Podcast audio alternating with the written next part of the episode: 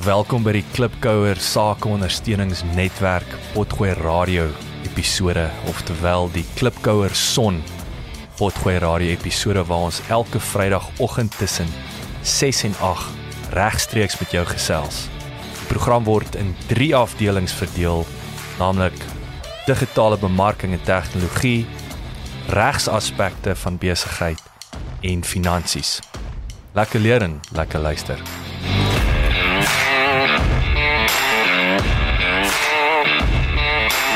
Hallo julle lekker mense. Goeiemôre. How's it? Môre.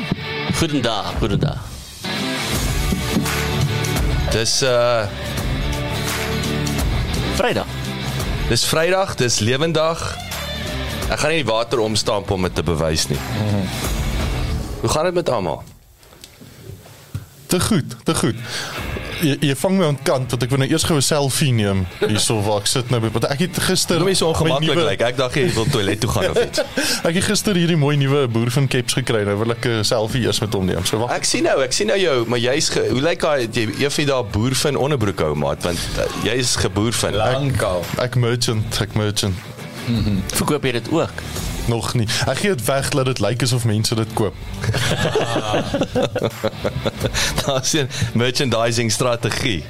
Yes, maar hierdie jaar het sy gat gesien, hè.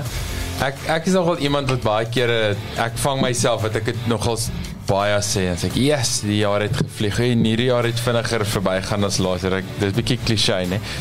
Maar toe toe bevraagteken ek bietjie myself en ek kyk na hierdie skoene wat ek aan het. Ek het aan die begin van die jaar, begin Januarie in Dullstroom koop ek vir my hierdie paar Valleys. 650 rand, né? Dis dis 'n goeie prys vir 'n paar skoene. Ek het al meer en minder betaal vir skoene. Maar hierdie skoene het ek is so regtig my pa se dans, kerk en werk en ek het kan getuig, ek het al drie gedoen hierdie jaar. Maar as ek nou kyk hoe hierdie paar vellies wat ek nou maar omtrent letterlik elke liewe dag hierdie jaar aangaan, het maar net so uitgewerk. Is elke keer 'n uh, goeie paar skoene. Het en het ek nou net natuurlik deurgetrap nie, maar Jy, jy tred afgevat. Ek het al so 'n bietjie daai daai knoppies wat so uitstaan aan die begin is, dit begin al so afgaan. En, Hy is nou net nou lekker ingetrap, maar ek kan sien hy het nou al 'n paar myl op. Nou ek ja, as, dit is nou as mense wil sê, jy weet die jaar het gevlieg, dan sê "Wel, hoe vinnig kan jy nou 'n paar vellies deurtrap? Nou dan is dit nie vlieg nie, hè. Dit dit gee daarom so, soos 'n jaarring wat wat groei 'n paar vellies wat deurgeloop het, hè. Baie simbolies. Dis baie boers. Nogals nee. Hoe eh, hoeveel vellies het jy al deurgetrap? Yes. Hæ? Wow. Hoe oud is jy nie? Hoeveel vellies het jy Ja. al deurgetrap? Maar maar Ray weeg ook net 75, so om 'n stel vellies deur te trap is. Wat baie hard loop. Ja, maar uh, hy is besig, né?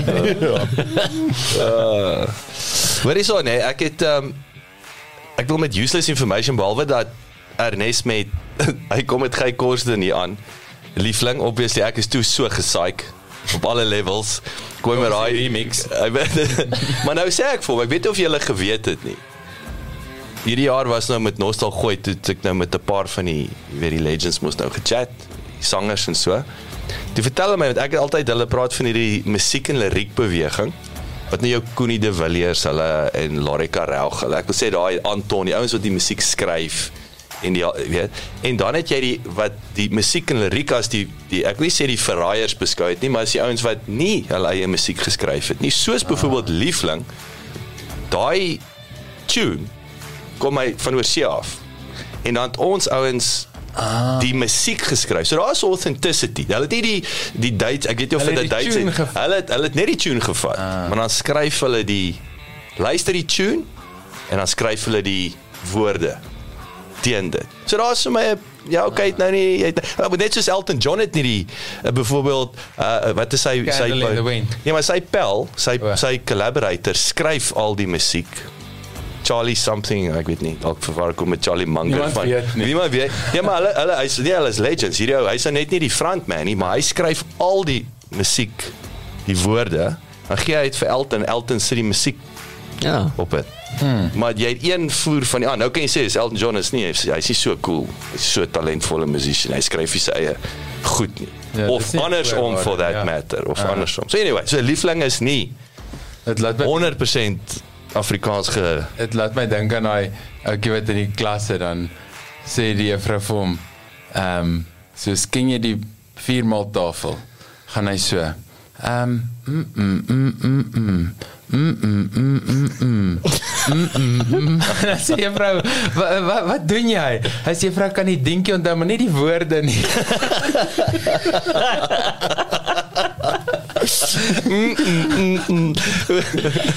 Hoeveel skuld ek jou? Mm, mm, mm. Right toch. Tweede so tweede bietjie useless information. Jy's deel wat. Nee, dis 'n mm, mm. O, okay, niks. Niks. Ek het uh, iemand het oor Americano. Dit lyk my jy jy's is jy nou 'n koffieverraaier? Alhoewel jy jy, ek, jy mag maar koffie op my perseel bring net om dit Mbo nog nie is. Ja, dis Nee. dis die enigste rede Dis dat ek dis dit moet nou, invoer. Maar ek ek spot nou, maar jy het nou met Americanos hier aangekom. You know, ek het actually vir Dewald 'n Nespressoetjie met 'n bietjie vrot gebring. bietjie So, ja. fof fof so julle weet waar ons praat nou van geskiedenis en goeters nê so waar kom americano die woord americano vandaan Seker Italië. Klink Americano. oh, dis is Engels wat sê ask is a silly question nê ja actually ja nee maar maar waar die naam ek wil eers sê die naam is nie reg Italiaan want is Italianers maar dit is um Malta jy weet nou die eiland van Malta Dit is meer Grieks. Nee, wat? Nee, Malta is Italiaans. Ja, Hy hy's hy suid van die Griekse, ek dink hy suid van uh, Crete, daai dink se ja, anyway, ek dink hy's die onderkant daar naby die heel of the boot daar die punt van Italië en Griekeland. Kyk, was 'n baie pragtige eiland, maar hy's mos strategies gebruik in die Tweede Wêreldoorlog. Is 'n refuel. As dan kan jy nou die Duitsers aanval daarin en vir Mussolini aanval. Mm. Dus kom Klip gooi van Duitsland. klip gooi en ehm um, toe maak die Italianers nou vir die Amerikaners. Kyk Amerikaners drink gekleurde ek weet nie, is is lyk soos koffie, maar dis nie koffie. Nog vandag ook nie. Dis radioaktiewe donker goed. Gee hulle vir hulle espresso's. Toe kon hulle dit nie drink nie. En toe gooi hulle warm water by. Ah. Americano. Ah. So dit verwys na die Yanks wat nie kon espresso drink.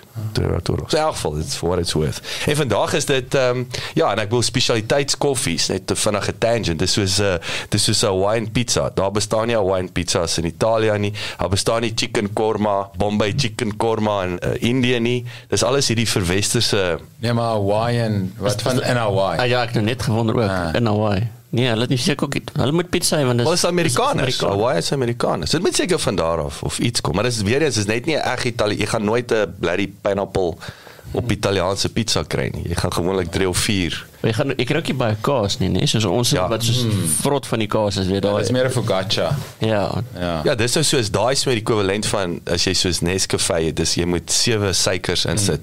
Dis dieselfde om hom Ja, drinkbaar te Kyk en maak. ons praat so van Romans gou vanaf vanoggend, nê? Kyk, as jy kyk ook 'n 'n Italiaanse pizza dun base, nê? Mm. Dis dis- dis nie daai Brood. broodjies wat ons het nie. Mm. Dit hè. Ja maar nou Romans, FC, sorry onthou ons ons ek weet FC, jy moet inkom laat ons oor jou Romans pizzas praat. thin dis Maar hulle doen base. en Hulle jy kan kies. Jy kan Ja, kies. Ek dink hulle gaan net met daai ek noem dit die vetkoek base, nee. Ja, maar dis nou so oor die Americano hoe ons vir Africano, nê? Want ek ek So baas ons dit Ons ook nie alles so ook groot, nee. Ek ek onthou nou ons praat oor Italië. Jy kry nie groot koffie daar vir lekker kap, weet ons ons cappuccino wil jy weet hulle 'n lekker 1 vet. liter. Dan kry jy so daai klein shots daarso. En en en jy moet mos nog ekstra betaal ook as jy binne gaan sit. Hier by ons wil ons mos kuier, ons wil om die tafel sit nie. Groot Ja, nee, is nee, is andersom. In Europa betaal jy die premie om om buite te sit om vir die mense te staar. Nou jy betaal om te om te sit punt. Om en dit. Anders moet jy daai en om te express- pee, en om te pee. Alhoewel jy moet net geld spandeer om te pee. Ek sit in P is dit ekstra. Ah, wel. Gebruik baie daar's baie meer daar's baie meer kontak met die toilet. ek soek ek hoekom ek- Rome ryk soos wat dit ryk want hulle charge 2 euro om te pee. So Ja, so so ja, dit dit dit is dit is maklik. vat 'n 2 freebie. 2 euro of of of die straatmuur. Ja. Maar onthou maar onthou julle julle was julle ooit al in Harrods Ja, in Londen. In Londen. Ja. Hulle het op 'n stadium het hulle 'n pond gecharge. Wat 'n pond vandag R20 om te pee. En dit my tannie nog gesê 'n pound te pee. So, maar maar nou moet ek by sê wat ouens nie vir jou sê nie. Is dat as jy ek kan nou sien hoe dit in Afrika afspeel. Dan hou nou hierdie gedagte. Hulle het al die so in die mansbadkamers al die nuutste colognes daar. Ah. Nee. Lyk soos Edgar se Dit lyk soos dit lyk soos Red Square op op by die wasbak. Deur die rak te stap net so by mekaar. is by mekaar. So jy kan ek het natuurlik geryk soos 'n soos 'n wat is 'n Arabier. 'n lavendel Arabier, jy Arabier se vrou in die jy somer in Londen. Toilet spray nie. Nee, nee, nee, nee, nee, dit is dis waar Johanna was. Dis waar ja, was nie was nie op die toilet agter die toilet. Dis jou cue as jy onseker is. Waar het die spray gestaan? Maar ehm um, nee, as jy jy het hierdie fantasties, weet dis daai high level, maar natuurlik ek soos ek sê, imagine hierso's 1000 rand parfuum op die wasbak. Ek gee dit mm, Ja. 10 ure. dat Ja. sal dit alles weg wees. Maar eh, is ook van die Suid-Afrikaners uh, uh, wat jy jy nou obviously sê ons sal nou tipies daar uitstap met die bottel of meer en uh, 'n bottel of 2. ja ja, dan vra nie vir jou hoekom ryk jy so sterk nie, soos hoekom is jou sakke so klingelrig nie. Maar nee in um, in Hawaii actually soos ehm um, die elke jaar hou hulle die triathlon world champs daar. Dit is dit is eintlik uh, nogal cool soos daar so 3 weke in 'n ry. Dan sê sê net maar eerste die Olympic distance, dan dit Eysterman distance en dan die Xterra die off-road triathlon. En dan die mense wat nou kwalifiseer vir die world champs gaan nou almal sien toe so dis nou nogal se groot bymekaar kom. Dis die Kona. Ja, Kona. Die nee, Hawaii. En ehm um, maar dan is daar nou weer die een legendary plek. Ek het nie storie gehoor, ek was nie daar nie, maar sê hulle in hierdie een plek se naam is die uh, Lava Java, soos hierdie legendary coffee shop in in Hawaii. En nou maar daar's ice coffee is is flipping groot, dit is moer warm. Dan gaan die ouens nou op hulle bike rides, weet voor die reis. Almal moet nou met nou opwarm en nog bietjie oefen en akklimatisering. Goed, dan gaan hulle op 'n ride of 'n swem of 'n draffie of wat ook al dan kom hulle nou daar tipies nou hierdie endurance sport, jy weet, kom nou tyd vir 'n koffie bymekaar. En dan uh, drink almal hulle iced koffie want dit is so warm, maar die Suid-Afrikaners is die enigstes. Dis hoe hulle eintlik weet jy's van Suid-Afrika. Hulle sê die Suid-Afrikaners sê nee, ons tradisie is ons drink 'n warm koffie. Maak nie saak wat nie, nie om warm te word nie, want ons drink koffie as ons klaar geoefen het. En nou dan kom die Suid-Afrikaners daar en in daai boiling heat Drink hulle koffie. drink hulle warm koffie en die res van die wêreld drink die iced koffies. Maar nou wil ek vir jou sê, daar method in the madness. Mm. As ons dink hoe ons ons dit is so nee, ons oupas, ons paas drink of 'n rooibos teetjie of die, of die koffie. So ek kyk nou die dag Gordon Ramsay ding in die wêreld charter the world of iets. Hy gaan nou na 'n land toe, kry die main chef daar, jy weet, of is iets met kos en vloek te maak. Mm. En uh, hy's in Indië. So elke blerrie ding is Dit is warm kos. Dit is warm kos, maar dit is uh, ja, inteendeel, dit is dis uit uh, daar het 'n hele paar bleeps uitgekom. Maar elke bom. bom bom bom bom by bom. En so alles is warm. Gechilly, gespice en die rede daarvoor is en ek het ek moet sê ek het aanhou vir my dieselfde storie vertel is die chili laat jou sweet. En omdat jy sweet, en jy sweet, laat jou liggaam kan afkoel. So dan die lug dit koel jou af. Jy sweet om af te So koel. private aircon. Dit is. Jy jy word jy word fisies nat. Akklimatiseer. Jy akklimatiseer. en onthou ouers het vir my gesê wat daar werk al. Jy moet die verkeerste ding wat jy kan doen in die oggend is om 'n koue stort te vat. Mm. Jy vat 'n warmerige stort, jy klim warm uit die stort uit.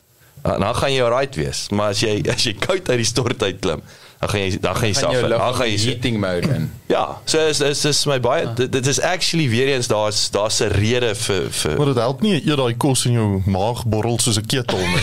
En jy gesit heeldag in 'n warm cubicle nie. ja maar dis was dis nou net dis hulle stapel voedsel nee. ek dink ons arme the western western uh, gringo suffers Maar daar's 'n ander ding ook van die Indiërs wat ek geleer het wat interessant is is ehm um, met water. So hulle het 'n groot ding van ehm um, julle weet dit dalk al gesien het dat hulle warm water drink. Jy weet soos mense van Asië en so net 'n koppie warm water.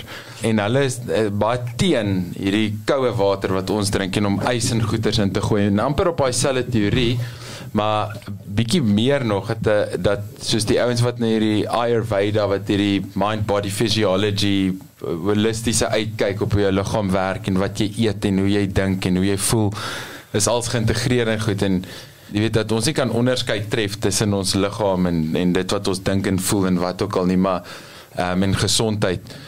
Nou as jy uh, koue water drink, sê hulle dat dan krimp jou maag of ek kan nie sê krimp nie, dis nie woord nie, maar hy hy Trek saam. hy trek saam. En uh, waar met warmer water is is baie beter vir jou metabolisme basically jou bowel. So as jy vir hulle sê veral as jy sê maar so halfuur na jy geëet het, gaan v- vir een toevallig sit en warm water drink. Jy weet kook kan te wees nie, maar dit moet weet so 'n bietjie warm wees. Is dit verskriklik verskriklik goed vir jou metabolisme, soos 'n nie 'n bietjie goed nie, Klaar. soos 'n miraculously goed. So dit alles maar so 'n bietjie oplos. Ek dink so, dit is ek, ek dink dit het dalk te doen met as jy net na jy daai kos geëet het bietjie So dalk na halfuur, nee. na Vrydag by Henny's paar koues eindig met 'n glasie warm water net om Ja. om dit te verbrand. maar ja, ry eers tot by die huis. drink drink drink hom daar. Dan kom daar daar waar jou vriende en familie jou nie besigtig nie. Maar nee maar ons ons ons moet gou ons praat nou eintlik hierso 'n bietjie geskiedenis gepraat en goeters. Het jy het jy daai ding oop also? Wat jy ry of ek kom oop?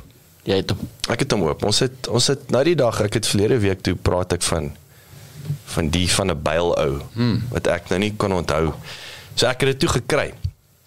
En ek weet nie of jy van die luisteraars het uh, om dalk gesien het, was onlangs hier so in die Daily Investor. So ek gaan vandag vir julle hierso 'n snapshot van hierdie ou gee en, en ek dink hierdie is ons het uh, ek wil aansluit by die Valleys afloop vir die jaar, jy weet is ehm um, en en ek het al vir julle genoem uh, is belangrik om uh, en is 'n oefening wat ek 5 jaar gelede begin het met met klomp pelle daar in Londen is om en is actually 'n strategie. Dis 'n strategie om as jy jou beplanning begin vir vir volgende jaar dan dan begin jy eers al jou wenne lys. Al jou wenne vir die jaar. Want wat wat ons manier van dinge doen is jy jy hardloop so vinnig van mylpaal tot mylpaal en jy stop letterlik nie om die champagne te pop by elke mylpaal nie. En die gevolg is die tyd van die jaar is jy argumentshalwe al op pad na mylpaal 5 toe en op halfpad tussen 4 en 5 k- dan is die vellies nou afge gehardloop en dan sê jy weet jy hierdie is 'n gemors, jaar is 'n gemors en jy want jy staar jou blind dat jy in die middel van 4 en 5 gaan stil staan het en jy vergeet van 1 tot 4. Mm. So daai daai is en hierdie is vir my die en hoekom ek dit nou sê is hierdie is vir my dieselfde. Eskom is nou 'n horror storie. Maar dit eintlik terug verander na Fcom toe, nê. Nee. Fcom. Fcom. So maar ons vergeet eintlik wat is die wonderlike storie, wenne en trots agter dit. Mm. En ek wil sê dis dis waar ons moet vashou. Ons moet vashou in ons waar waar is ons DNA? Waar kom ons vandaan? What are this what's the stock we made of? Anyway, hier's van ons. vleis. Ha, kruidervleis. Jy weet dit, jy weet dit. Ek sien dit, ek sien dit. Kan. Uh Hendrik van der Byl. Hy het Eskom begin. Hy het Yskorp begin. Hy het die Industrial Development Corporation IDC wow. begin. Hy's in Pretoria gebore in 7 1887. Hy was in Boys High. Hey, daar's nog Ai. alhoewel in Franshoek. Okay, ek vergewe hom. Stellenbosch, Stellenbosch geswat, ek vergewe hom. Hy het uh hy het physics, mathematics, chemistry. Hy het Suid-Afrika in 1908 verlaat. Hy het 'n PhD in physics in Duitsland gaan doen. Hy is toe daarsoom aangestel by universiteit. Nou dis nou nie 'n small feat nie. Skuif toe New York toe waar hy werk vir Western Electric en hy word toe deel van die Bell Telephone Company. So dis seker Alexander Bell wat okay, so hy's nou daar. 1990 skryf hy 'n uh, wit wat noem jy 'n white paper, né? Nee? Uh hy sê on scientific research and industrial development related to the development of secondary industries in South Africa. What? Kry die aandag van Jan Smuts, pr- prime minister, die pr- weet ons premier, wat is dit ons Maar hoe het hy die aandag gekry positief? Ek weet dit was seker Dave. Ek weet nie dalk het Jan vir hom hy het vir Jan seker hy sy hy sy nuusbrief wat hy uitge-e-mail het. Ek weet. Ons gaan jy so oor CRM praat. Sy nuusbrief wat hy uitgetik wat het. hy wat hy uitgetik het. En, Hy het en, daarom nie geopt out nie, hy het dit goed gelees. hy het nie hy het dit nie verbrand nie. Nee, hy het hy het dit gelees. So Jan Smit het vir hom gesê kom terug en uh, hy moet um, help met die hy moet 'n advisor wees vir myne in industrie. Kom toe terug direk aan Smits geadverteer met Smith se hulp begin hy Electricity Supply Commission Eskom in Maart 1923 om die land met elektrisiteit. Vandag sit Eskom of Eskom, is die nuwe naam. So dis 'n non-profit public utility, okay, bla bla bla, so kos gaan aan. Ek wil scan scan scan. So natuurlik ons weet Eskom op stadium was die goedkoopste energie eh, produsent in die wêreld, né? Nee? En ek dink ons het 90% uitgevoer. So daar's wen nommer 1. En 25 begin hy 'n nuwe maatskappytjie Is hy 2 eers 25? 1925. O, jee. 1925. ja, nee, hy het al, ek dink hy het op 9. Hy is kom ja, begin. Kleinste. Uh, ja, toe Maar hy, 25 toe moes hy ultrend 38 gewees het. ja, so hy is nog steeds hy is nog steeds 'n jong man, hè. Ja. Ja. dit weet is want uh, hy is in 87 gebore wat ek ook is net 100 jaar voor my. So dit maak dit maak die wiskunde red. Ek dink jy die rypie onthou. so so in 1925 begin hy e-score. Toe het hy klein private besig wat sommer klein private besighede geondersteun het. Hy het obviously gereeld gebraai en dis waar hulle natuurlik Create Industrial Development Corporation. So hulle het natuurlik geld gestoot om hierdie hierdie hierdie startups te fund What a dude. en ek kyk nou ek scan scan scan Maar, maar as jy nou kyk, jy praat van die industrial daar, weet Vanderbijl Park is grootendeels industrial. Ja, en ek wil nou daar onthou dat ek jy nou ons praat oor die die uh, entrepreneurskap. So laaste ding is so hy's director general of the war supplies van the Bale Mobilize South Africa's limited industrial resources to produce gewere, bombs, armored cars, position instruments, military explosive ammunition. Dis nou wat dit Denel begin het. Dis Denel en dis en op daai into Denel. En al daai goeders is staats ehm um, in stand. Ja, en ek dink hierso so hy hierso hy's going to become uh, became one of the best power utilities in the world. Isco which is known Mittalstal as largest steel producer in Sub-Sahara and IDC is still operational today and continues to promote economic growth uh, when they're not um buying. So die punt is hy het al die goeders en daar was 'n ander storie ook waar hy hulle vir hom sê luister jy kan um privaat dit kickstart, né? Nee? Dit was nie die op dit was nie 'n is nie 'n staatsamptenaar, jy sal dit onder Hy's nie hy kon. So wat beteken hy sou een van die rykste manne in die wêreld gewees het as as hy dit as, hoe humble is hy? hoe hum, hoe humble en hy blykbaar net normaal toe hy die dag dood is ook hy het 'n kar en hy's pensioen. Sy enigste voorwaarde was daar's hierdie dorpie langs die Valrivier wat julle na my moet vernoem. As julle Dit is vir my al wat ek wil hê. Dankie. Die res ek ja, noem my net noem my daai stukkie daar naby die by die by die Vaalrivier van 'n byl. Nou interessant vir my nê en ek het al ek het al baie oor gepraat. Ek sien die tyd vlieg hierop, maar ehm um, is as jy gaan kyk waar ons Afrikaners, ek gaan nog eers gaan ek ek weet nie wat se navorsing ek kan uitgrou nie. Maar is vir my interessant dat alhoewel die Afrikaner back in the day onthou die die doelwit was om die die, die staatspresident te word. Kom ons so professioneel georiënteer was, jy weet, prokureur, dokter, dominee, onderwyser, daai tipe van ding. So jou ambisie was 'n politieke. Hmm. Dit was die pinnacle. Ja, maar ek het dit nie so verstaan nie. Weet toe, ek ek het 'n klein dorpie groot geword en ek het gedink nee, die slimste ou word die president. Jesus, hoe verkeerd was ek? nie. En maar jy sien, maar daai dit sluit daarbey aan. Want ek het nou nogal gedink want ek was in graad 1 die slimste dog ek Jesus, ek het Jy jy jy jy jy, daai wat hulle jou vra wat wil jy word dit maar jy het gehomeschool. Nee. Ek ek dit was nie opsie daai tyd. Ja, as jy gehomeschool is daai tyd om jy geslip het of om met jou ouers jou nooit in die skool ingeskryf het. of hulle wil hê jy moet regtig al daai trofees wen aan die einde van die jaar. Daai wat hulle klaar gekoop het.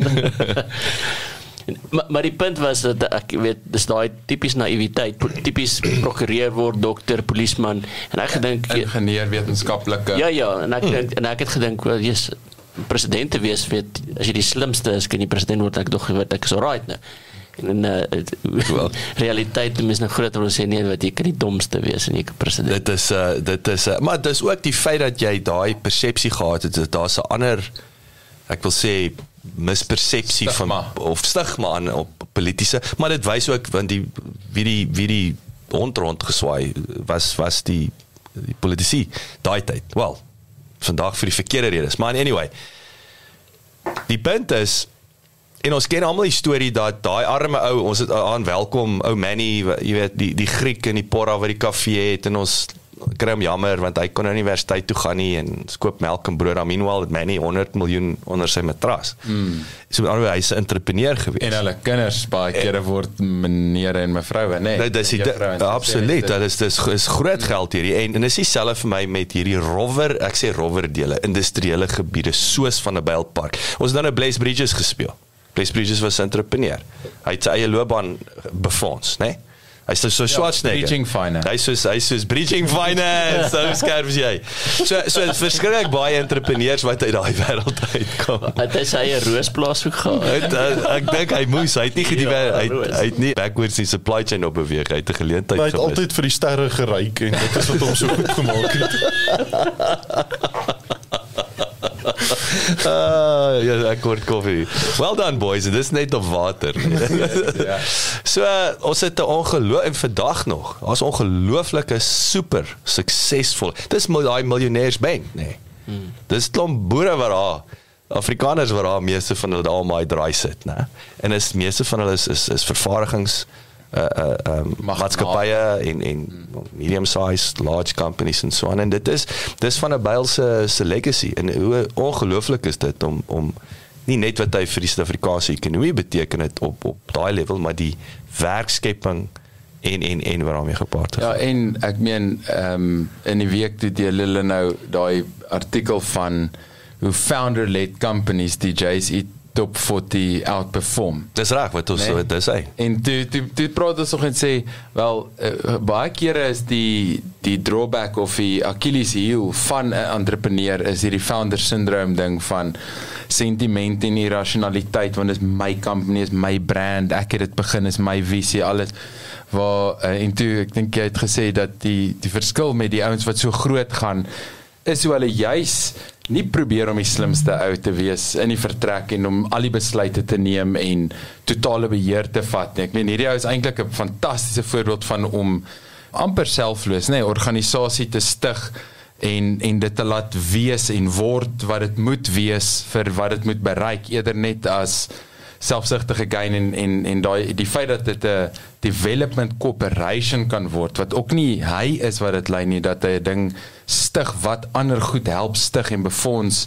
Dit dit dis dit is vir my amper of die ultimate leierskap. Dit is vir my eintlik cooler as baie cooler as net iemand wat 'n 'n pos beklee soos 'n president. En so jy's net ingestem daar moes iemand wees as jy maar iemand wat sulke goed reg kry hmm. dis fantasties Maar, maar kyk dit dit is, deel van ons Amerika ag Amerikaner Afrikaner mentaliteit nê wat kyk daai wat hulle altyd sê die boom wat ons plant is ons plant bome wat ons nie teen teenoor gaan sit nie weet mm. ons daai vooruitgang mentaliteit is weet jy jy plant die die pekaneetbome vir jou kinders jy mm. weet ons ons dis waar die daai legacy vandaan kom is om te sê ons dink nie net vir die dag van môre nie daar's die laat laat die laat die toekoms byvoorbeeld en ek ek weet nie of van dit bietjie in vandag se samelewing bietjie vervalle raak nie weet ons is ons is uh deel maar van jy weet wat instant gains weet al wat wat vandag weet vandag net ons dink nie vir die dag van môre en, en ek wil sê dis amper of die generasie voor dit het jy was geïndoktrineer om te dink vir die toekoms mm. en hoe dat die besluite wat ek vandag maak is nie net vir vandag en môre nie is dit is ons ons bou almal 'n toekoms mm. Ja. En dit is ehm um, dis nie maklik om om vooruit te kyk nie. En hoe hoe Warren Buffett, ek dink Warren Buffett het gesê het, uh, uh, no man is smarter than the room. En ek dink dit, dit kom terug aan jou punt. toe Een ou kan nie slimmer as die kamer wees nie. Mm. En as jy dink jy is dan ehm um, sterkte vir jou. Ehm um, ek het nog baie goed om te sê maar ons het nou hier so- sê sê laaste sê laaste. gehoord van Yogi Berra? Mens ken Yogi Berra. Ek ken Yogi Berra. Ja, maar Yogi Berra is eintlik was 'n ek dink hy was 'n New York. Yankees miskien of 'n ander baseball sponsor coach, maar hy's 'n legend. En ehm um, hy hy het altyd hierdie cool quotes gehad. As jy ooit gaan search Yogi Berra quotes, dis almal funny. En die een wat hy het was soos Be careful to make predictions especially about the future. ah. Dit's 'n bietjie pan gitter, ja. Dankie Yogi drink Yogi Yogi Yogi sip. Yogi sip ons gaan 'n ons gaan 'n breek vat as ons terug gaan ons terugkom gaan ons 'n bietjie uh, oor customer relations management en bietjie sales cycles en goeters praat ja. Mm, mm. Is nou terug.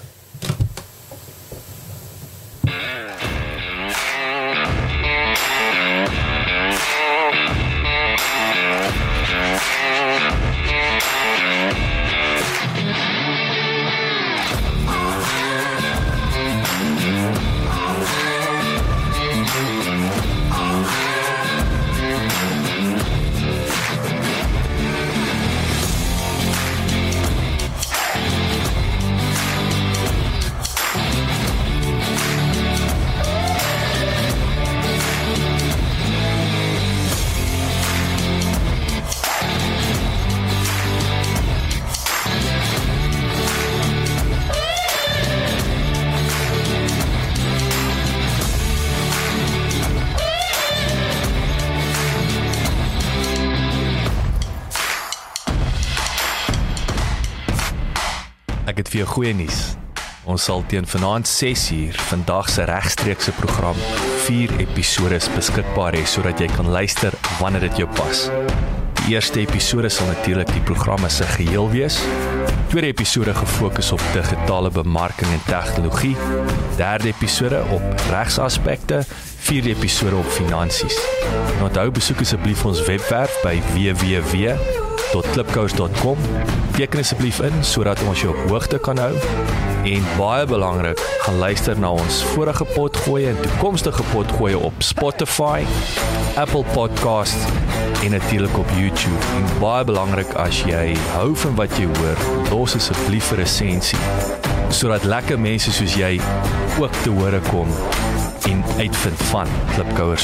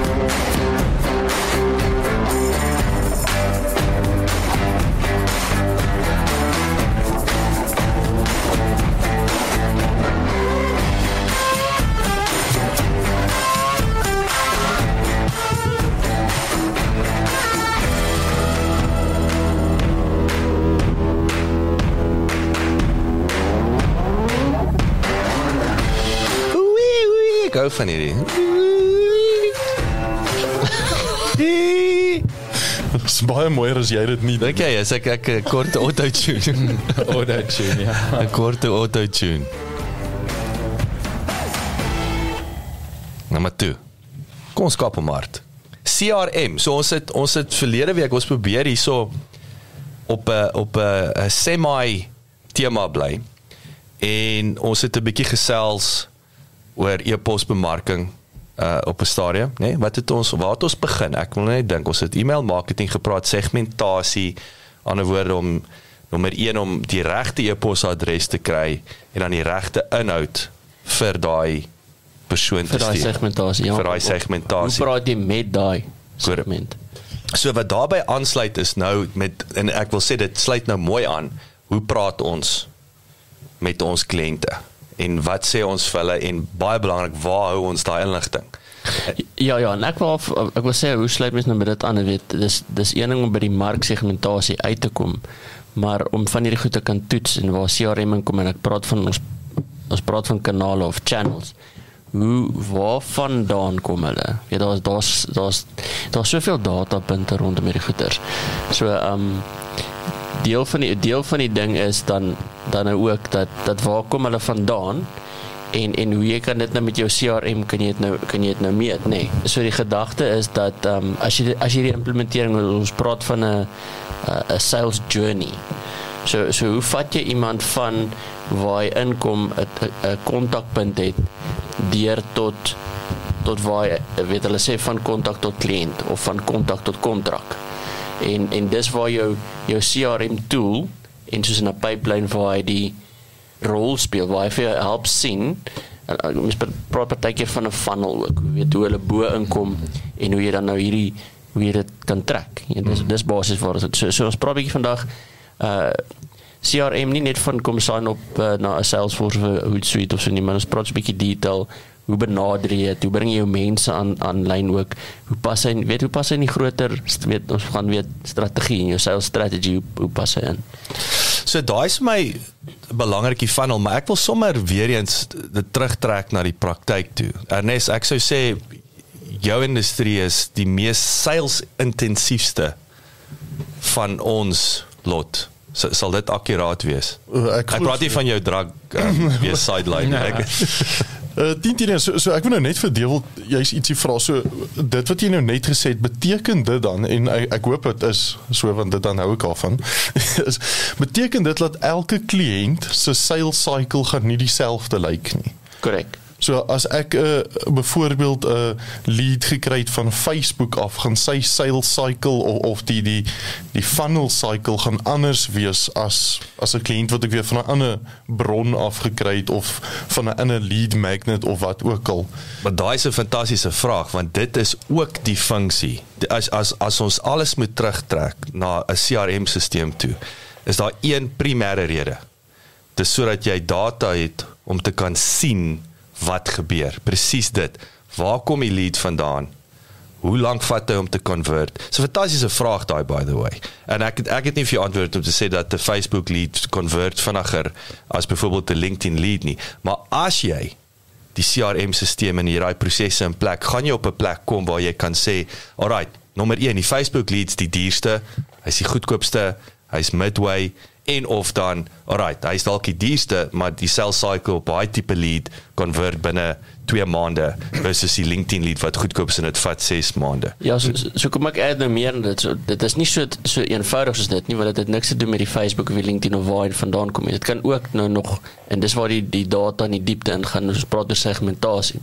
Dit hang af wat jy van omdat jy jy het 'n hele mandjie vol produkte dis so tipies die hoe was jou bemarking vir die lewensversekerings um, segment wat jy da, jy het 'n kampanje vir lewensversekering gehad op Facebook maar op LinkedIn het jy dalk gepraat oor beleggings. So jy kan nie net sê ja, dis 'n Facebook LinkedIn nie want dit is mm. twee verskillende assuming die content dieselfde. Ja ja, so ja, ja. so, so daar's 'n paar goeters en dan moet jy nou ook sê okay maar van af Facebook wat jy daarna gedoen omdat ons praat oor CRM client relationship building. Hoe, hoe vinniger jy kan die relationship as 'n as 'n authority kan hê, hoe, hoe makliker want dan ek dink is dit weer eens die persepsie oor verkope verkope beteken nie ek moet net dat jy teken nie dit is hoe kan ek vir jou van waarde gee dat jy kan hmm. sien ek het jou nodig ja want skus dit gaan oor waarde toevoeg so byvoorbeeld as ek nou 'n uh, kampanje gehardloop het op op social media wat gaan oor beleggings kan ek jou nie saam met al die ander leads in 'n mandjie gaan gooi en ewe skielik kry jy my nuusbrief oor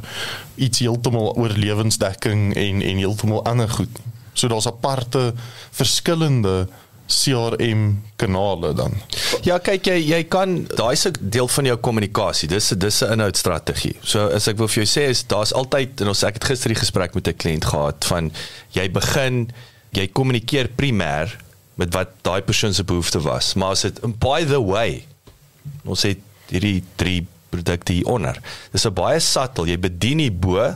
Dink maar jy het ook hier gesprek met julle as prokureurs. So as as ons argument sondaal wil nou staan behoefte munisipaliteits bietjie munisipaliteit op donder op die dorp. OK, hier's vir jou amnestie om die munisipaliteit op te donder. Maar by the way, ons is baie sterk in arbeidsreg. Ons is baie sterk. So gee ons 'n lei as jy as jy nodig het, maar dit dit raak 'n cross-selling opportunity, maar moet net nie daai o, oh, by the way, hier's ons 27 uh, menu offerings en ek weet jy het net 'n starter gevra, maar kom ek druk druk die die nagereg in jou keel af. En wel ek dink is die 27 non-relating. Ek meen dis dit dit gaan nie oor die nommer weer eens, dit gaan oor is hmm. alles in dieselfde groepering val, weet weet as jy nou eh, weet kom ons vat nou weer die mechanic of die panel beater. Maar hier is die ander 27 ander tipe spray paints wat ons ook het en vir verskillende aan dan dan is dit oukei okay, want jy is want dis dit dit konteks bly daar. Hmm. Dit is nie hoor jy ek het 'n uh, uh, ons het nou gepraat ek het hierdie finansiële produk maar o oh, by the way ek het jy kyk my Amway, kyk my nuwe golden products. Ja, in hierdie hierdie sideline en hierdie sideline ja. En dis waarom die segmentasie so belangrik is want dan weet jy wie gaan belangstel in daai 27 byprodukte 10 teen 1. Help nie in my geval nou dat ek al my pensionaars uh, gaan probeer uh, fisiese ongeskiktheid dekking vir gee nie want dis nie iets wat uh, hulle by kan baat nie. Mens so, klaar ongeskik is jy. So is die uh, so is die is die key phrase een van dit nie dalk customer journey. Jy weet voor mense net praat oor kanale wat wie's die customer en wat is daai journey? Ja, so die so die kanaal is waar jy vandaan kom mm. en dan as jy nou in die kanaal is, hoe hoe lyk jou hoe lyk jou journey daar binne? So so kom ons vat 'n voorbeeld. 'n Kanaal kan wees uh na jou webwerf toe. So jy op die webwerf maar is om te sê as ons nou sê webwerf is nie net van ek gaan na uh, maredekker.co.za doen nie. Dis uh, vanaf 'n campaigns gaan ek na 'n spesifieke landing page toe mm. en vir hierdie produk wil ek hê jy moet die volgende doen. So So dit is die kanaal waarvan hy vandaan kom en dan is dit om om dan te sê maar hoe is jou journey ten einde om hierdie produk te koop. Dit beteken nie ek gaan jou daar baie keer dink mense ja, jy gaan na die webwerf toe en jy druk add to cart en haal jou kredietkaart uit en koop dit. Dit is nie altyd hoe dit werk nie. Dis om te sê vir my produk en ons praat nou oor sales cycles nou ook, so ons gooi nou alles in die mandjie. Vir hierdie tipe produk, ons vat lewensversekering, is nou 'n lekker voorbeeld wat ons nou het met jou Ernest. Jy gaan nie jy gaan nie ou na jou webwerf toe stuur en dan gaan jy kredietkaart sê ja, ek ek wil gou 5 miljoen vir lewensversekering polis uithaal. By the way, hier is my debiet order. Dit hmm. werk nie so nie jy moet er ietsie van waarde gaan toevoeg, daar gaan 'n opvolggesprek wees, daar gaan analise moet gebeur, daar's 'n hele sales cycle tot die ou eintlik kom en sê ek goed, ek is ek is nou gelukkig met wat hierdie hierdie waarde toevoeging is, so ek sal teken vir die debiet order want ek wil dit actually hê.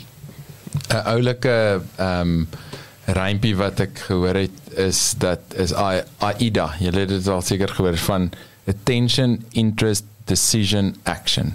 En dit is daai funnel. Ehm um, jy kry eers iemand se aandag, dan kry hulle belangstelling en dan plaas jy hulle voor 'n besluit. Is dit vir my, is dit nie vir my nie. Ek van rooi of ek van groen, uh, watter een van hierdie gaan ek? En dan 'n aksie, 'n stap. Gaan na die webwerf, klik op hierdie vul hierdie vorm in, bel hierdie nommer. Los jou e-mailadres dat ons jou kontak, wat ook al. So En dis nogals 'n oulike rympie dat as jy eers dink okay, eers moet jy iemand se aandag en dis 'n tipiese advertensie wat jy ergens sien of 'n post of 'n gesprek of ietsie 'n flyer en dan ehm um, dink jy, o wel hierdie is hierdie praat met my. En nou moet jy iemand verder intrek want dit help nie net jy sien die billboard, maar jy weet nie wat om volgende te doen of hoe bepaal ek ek, ek hou van wat ek sien, maar dalk is hierdie glad nie vir my nie of kom tot by die einde en ek dink dit dit verduidelik ook daai funnel nê nee, dat mm. dit is ja daar's 'n drop off rate. Ehm um, maar nie almal wat se aandag jy vang is die regte persoon om uiteindelik daai stap te neem om jou te kontak nie. Mens wil hulle ook eintlik partykeer bietjie uitkanselleer nê. Nee, dit is nie net 'n kwessie van ja, nee. maak hy dink so breed soos moontlik. Ja, ek ek dink dis juist daarom te kan sê hoe kan ek weet wie is my perfekte kliënt? Ek wil nie weet die grootste fout wat jy kan maak om sê my weet my produk is vir almal die, ja. die die die uiteinde van die produk is dalk vir ons sure enough maar as jy dit nie so infunnel nie gaan jy nie reg praat nie en jy gaan nie regte mense kry nie. So ek dink die groot ding wat ek net wil weer eens ek dink wil en ek dink is deel van wat ons gesels oor en hoe tegnologie inpas is om te sê al hierdie goeie se strategieë, al hierdie goeie maniere waar die sagte ware en waar die tegnologie in die tools het inkom is om te sê ek het 'n feedback loop ek kan sien wat gebeur. Ek het ek het konteks. Want wat baie keer gebeur en dit is veral as jy as jy nie nou meer net 'n one man band is nie, as jou organisasie groter raak is, jy het nie die raakpunt oor alles jy as as besigheidseienaar nie. Jy verstaan en ek dink dit is belangrik jy as besigheidseienaar met in die wat die visie visioen dra is om te weet hoe pas bemarkingstrategie in in my besigheidsstrategie en dan om te sê wat is die wat ons moet altyd KPIs wat is die wat is die goeders wat ek moet na kyk in my strategie om te weet of dit werk? En dit is waar waar die tegnologie en die tool inkom om te sê ek het 'n strategie. Hy word nou begin execute. Ons het 'n feedback loop om te sê okay, wat werk wat werk nie? Waar moet ons verander? Want anders wat baie keer net gebeur is ons is afkoop hoenders. Ons blindelings doen net 'n ding vir al ons Afrikaners altyd sê ja maar as jy weet as iets werk moet dit nie verander nie. Iemand het gesê weet is um, ons praat altyd oor oor geweld. Weet jy sê ons moet altyd met geweld iets doen. En die een het gesê as dit nie werk nie dan gebruik jy nie genoeg nie. Mm, ja, Confucius. Mm. Mm. En, en ek dink dis net ek ek dink dis die die oor oor of se punt wat ek wil maak is weet ons kan ons kan nooit te weet ons omtrent 'n 2 uur sessie nodig is om in diepte moet praat oor hierdie goeders, maar as om te sê waar is die raakpunte, waar hoe pas hierdie tegnologie stukkie tegnologie in jou groter besigheid en en en dan dan praat ons maar so 'n bietjie hier en daar detail waar hoe kan jy dit gebruik? Die tipies oh, skus, Jock, die tipiese CRM stelsel is daar so so 'n bietjie van 'n one size fit all. Ons het laas het julle uh, gepraat van 'n paar stelsels wat goed is vir die e-mail marketing is dit ook CRM-sisteme of is dit 'n aparte stukkie tegnologie wat jy nodig het as 'n besigheidseienaar om jou CRM smooth te laat hardloop. So die die duurste, kyk dit is nou waar jou best in class jou Salesforce is is, is customizable, so dis 'n kwessie van 'n uit daai ingeboude funksie. Gesê daar soos 'n wat ek nog steeds terugkom, is interessant ek het bietjie gaan kyk wat sê jy is, is is jou top CRM sisteme nog steeds. En jy het jou usual suspects. Jy het jou Hub, HubSpot wat ou sal voor het. Jy het Zoho. Ek is 'n Pipedrive fan want ek het hom baie vroeg al begin gebruik. So Pipedrive het byvoorbeeld baie gevolg maar soos ek sien byvoorbeeld nie active campaign is. Weer eens vir my interessant. Uh, daar's baie uh goeie sisteme daar buite wat nie mainstream is nie. Maar wat ek sê is die oomblik wat jy die e-mail marketing komponent inbring begin die kostes drasties opgaan. Of hulle skeep jou af ander woorde ek sien byvoorbeeld die een uh ja is in jou subskripsie maar dan kan jy net 3000 e-mails uitstuur vir die maand dis 'n probleem 3000 e-mails is niks nie Mm. Jy is, as jy jy ernstig begin jy het multiple kliënte kan jy tot 100 000 e-mails. So maar nou het jy sagte ware. Ehm um, ek weet nie dit is ook vir die ouens wat wat die game ken. Zapier is is Zapier is 'n if this then that tool. Automation tool. So wat so dis net dat nou dan integreer jy byvoorbeeld jy vat 'n e-mail marketing sagte ware en jy bou hom aan jou CRM stelsel en nou hardloop jy via daai stuur jy die e-posse byvoorbeeld uit. Ja, ja ek, ek dink dit vat 'n bietjie analise Ernest om jou vraag te antwoord. Daar is daar's 'n paar best in class. Ek dink dieselfde as ek vir jou vra wat is die beste kar op die mark vandag? Ehm um, dan gaan ek vra wat jy behoefte weet van as jy 'n bakkie wil jy 'n kar hê. Daar's 'n ehm um, weer eens jy moet 'n bietjie gaan sê weer eens wat jou bemarkingsstrategie, hoe pas wat jou sales cycles, hoe hoe verkoop jy byvoorbeeld? Verkoop jy as jy weet direk mense kom so e-commerce na jou webwerf toe net koop net daarom jy sterker daar wees. Het jy direct selling waar soos in jou geval waar jou is nie geen finansiële beplanners moet skedules opstel, mense gaan sien. So die so die behoefte is anders en dis dis baie keer wat ek doen as 'n besigheidsanalis om te sê wat is die behoeftebepaling? Ek probeer die gap tussen die besigheid en die actual tegnologie sê om te sê ek verstaan werk jou besigheid hierdie tegnologie stukkie gaan die beste vir jou werk. Want dis nie daar is nie 'n one size fits all nie. Dis om meer meer te verstaan wat is jou besigheid? Hoe werk jy in jou besigheid? Wat is dit wat jy wil doen? Want Jock het byvoorbeeld gepraat van e-mails. Dit kan dit is deel van 'n CRM. Dit kan deel wees van 'n ekosisteem. Dit kan 'n aparte tool wees. As jy meer aanlyn is, jy's 'n aanlyn bemarker, weet jy wil jy baie sterker e-mail marketing hê. Maar byvoorbeeld um, jy wat dalk net 'n monthly newsletter uitstuur en nie weekliks gesels nie vir jou is daai nie so belangrik nie. Dit so ek hmm. sê dis daar's nie 'n one size fits all nie. Dis dis om te sê okay, goed, kom ons gaan kyk wat is my hoofbehoeftes en en en dan moet ek ook net sê dis soos om as jy nou gaan dink en jy in terug dan dis nie dis nou dit en dis nou klaar nie. Baie kere het jy verander jou behoeftes soos jy groei en jou jou besigheid verander, dan moet jy dalk oorskakel na 'n ander tool toe. Men jy het nie ons het almal met klein karretjies en studente begin. En nou moet ek 'n groot karre want ek het baie kinders. So jou behoeftes verander. Ek dink dis die dis die punt wat ek wil maak. Moenie vasklou in die stukkies tegnologie wat jy het nie uh, ek verstaan wat baie keer gebeur as mens mens verander dit en mens customize dit so om vir jou te maak werk en partykeer wat gebeur verloor jy die best practices hmm. en die best in class hmm. want jy sê maar weet dis daai change management organisasie ek wil nie meer organisasie ons doen hierdie dinge so weet ek, ek kan nou weer voorbeeld jy sê my finansiële beplanner moet uitgaan hy moet die persoon eers sien hy moet dit doen, hy moet doen en dit dis dis my 5 stap plan. Hmm. Waar weet weer eens kan jy sê okay, ons kan dit beter doen. Ons kan eers ons kan behoeftebepaling aanlyn al doen. Daar's 'n paar so die tyd wat ek kom sien, is ek al klaar kan ek die sales cycle verkort want ek is al klaar daar by 'n sales ding. En uh, wanneer wanneer raak, is dit nie dalk ook om hoewel ons nou praat van die voorpunt van besigheid is verkope, bemarking en hoe om iemand nuut in te kry of dalk 'n bestaande persoon weer terug te bring of weer te laat bel of te upsell of wat ook al maar hier is die voorpunt van die besigheid. En weet mense praat baie kere van die worsmasjien nê dat jy te druk goed in en peel daai kant uit maar Wamper of sê dat soos die worsmasjien jy gooi vleis in en word mense dan kom dit hier uit maar jy moet daai derde naai om dit goed te vang want en dis waar service design inkom dienste beplan en te sê soos daai nou wat doen ek met met hierdie? Dis maklik as dit nog net ek is en ek doen my game en mense bel my en ek weet wat om te sê. Maar soos jy nou die voorbeeld gee Ernest het nou 'n paar mense wat onder hom werk en hy moet hulle nou teach en coach Nou as jy hoe meer spesifiek jy wil raak oor presies wat moet gebeur. Hoe, hoe moeiliker raak dit as jy dit gaan dupliseer. Veral as jy in 'n praat van 'n if then automation en sulke goeters. Hoe hoe dieper jy in die diens in gaan die begin is daar nog baie okay filter gou vinnigheid. Maar later en ons het in die week praat ek met iemand oor as jy uh, in konsultasie sit met 'n kliënt en jy het 'n standaard vraelys en jy's nie flexible om bietjie te be, rond te beweeg en rond te dans met die issues tot jy by die antwoorde kom nie. As jy net begin vraag 1, vraag 2, vraag 3, een dit gaan voel soos 'n robot, maar twee mense gaan so maklik die regte insigte en die regte behoeftes van 'n kliënt heeltemal mis. As mens te vinnig wil hulle in daai stencil indruk en Ja, ek dink nie dit is juist nie ons die meeste ouens se probleem nie. Dit is die daar is nie proses dissipline nie. Mm. Dis nie ons het nie 'n proses dissipline probleem met meeste SMEs nie. Dis mo net maar die teenoorgestel. Daar is nie proses nie. geen ja. So ek wil doen wat hulle goed dink. Korrek. So jy moet onthou CRM, so ek wil hom terugtrek na die praktyk toe ook, né? Ek sal vir jou praktiese voorbeeld gee. Nommer 1, 'n CRM force proses. Dis nie hierdie is nie net sales nie. Ek dink ons begin amper selfs met dis ons nie e-mail marketing nie.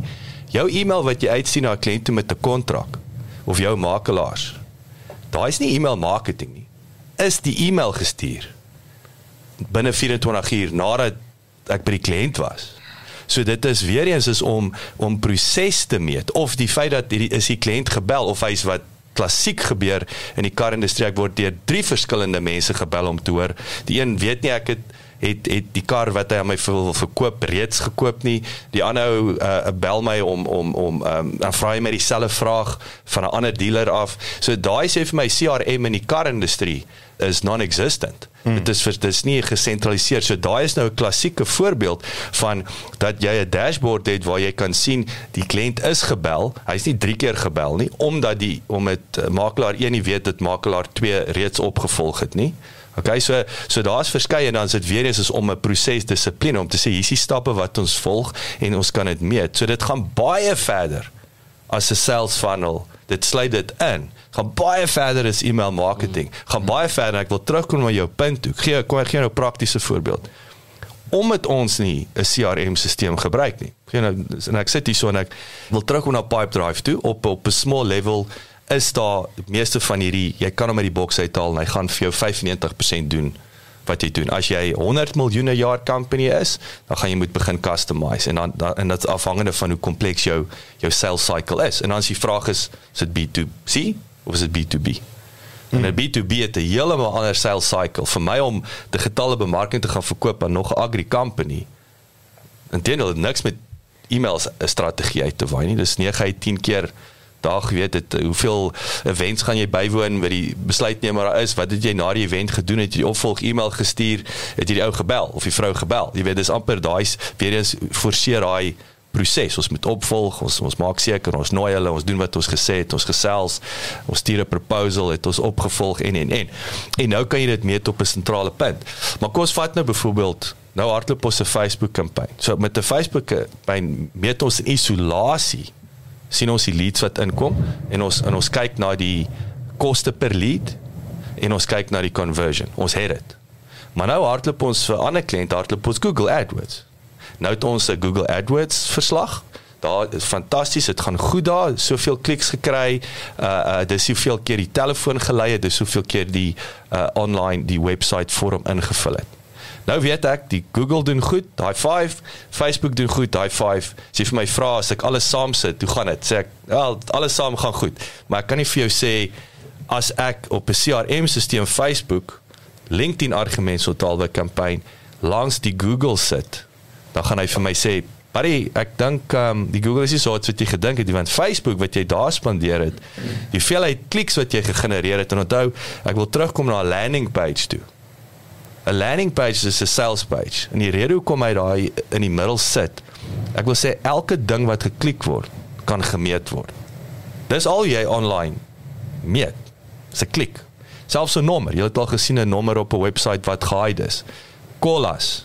Dan klik jy op hom. Dan maak hy die nommer oop. Mm.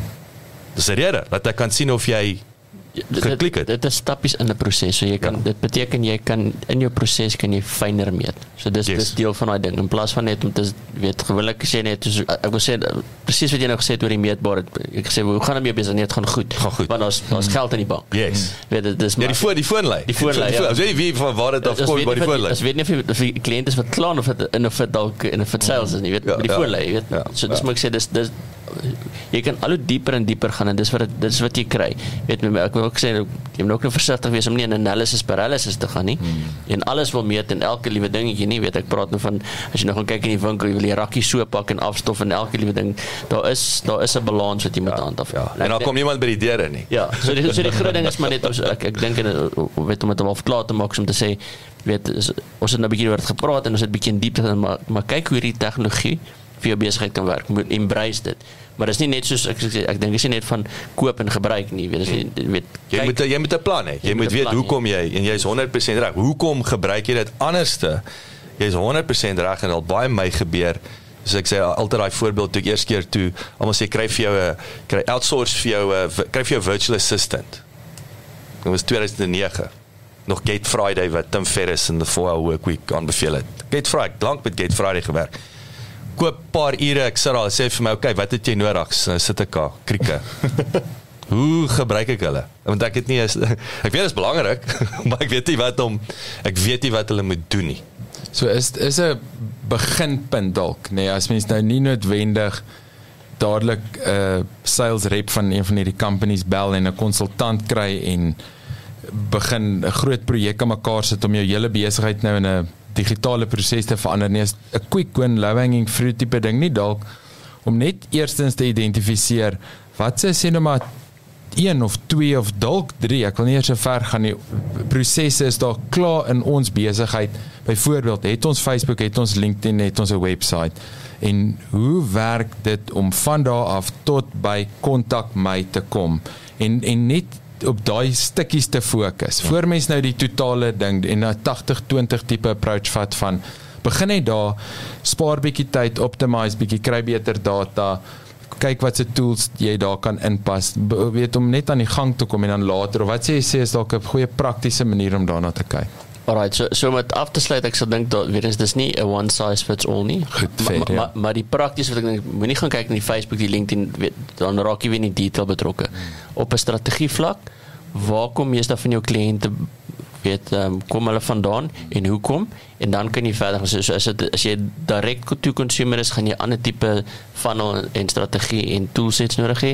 As dit meer van online kom en bemark jou bemarking speel 'n baie groot rol hoe jou kliënte kom het jy ander strategie nodig. So ek ek, ek dink is weer eens vind eers uit hoe jy ek dink vat net 'n A4 of 'n A3 bladsy en begin net prentjies teken van hoe werk jou besigheid. En dan dan weer eens wat ek net sê waar die tool inkom is die feedback loop. So, sodra jy iets het kan jy begin jy kan dit verbeter uiteraard uiteraard jy kan implementeer en jy kan en jy kan meet en dis hoe jy dis hoe jy aanhou Ek dink dis Ek dink in elk geval ons hierdie is vir my het voel vir my ons het weer net we scratch the surface hier nee. So ek dink ons want ons het nou soveel fasette so ek dink dit ons ons kom volgende vraag terug en dan dan, dan fokus ons net ek wil amper sê kom ons ons trek hom lekker saam want jy het baie belangrike punte hierso mm.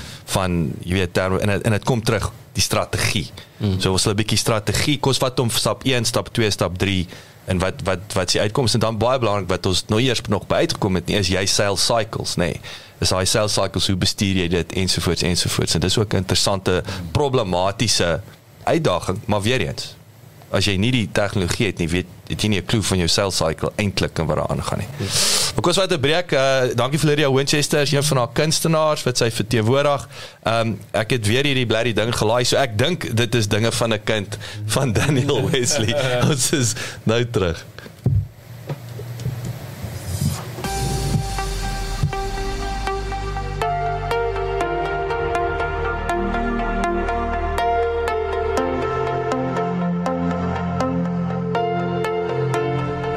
Dit is ek sien dit is al weer nie. Anyway, maar dis lekker Afrikaanse musiek. Ek kan nie ek gaan nog hierdie fight wen. Ek tel alles op wat om my val. Behalve myself. Ja, die liefde is vries. Dis alles wat wit en grys om my. Ek wil net hê jy moet also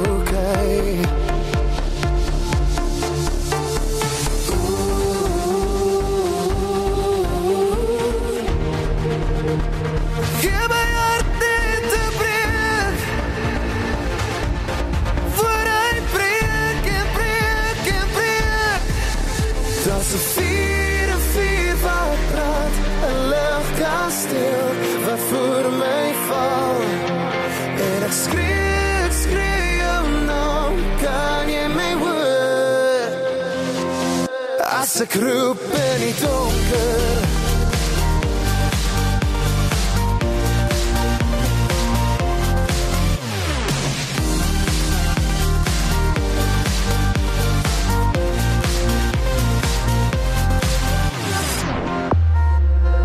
In 'n wêreld vol van my ster gedagtes terug na hel, terug na hierdie grysstoonspel. En myself.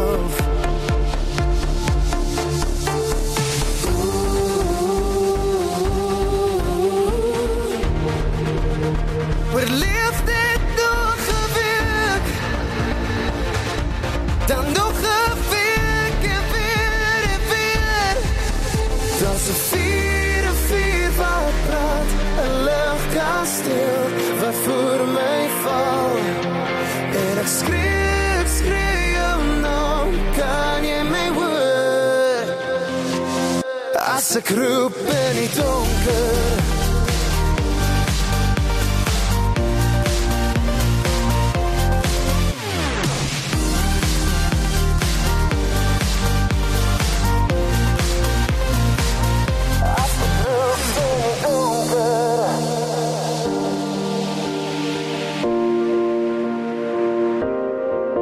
Daar's 'n vuur, 'n vuur wat brand, 'n ligkasteel wat voor my val.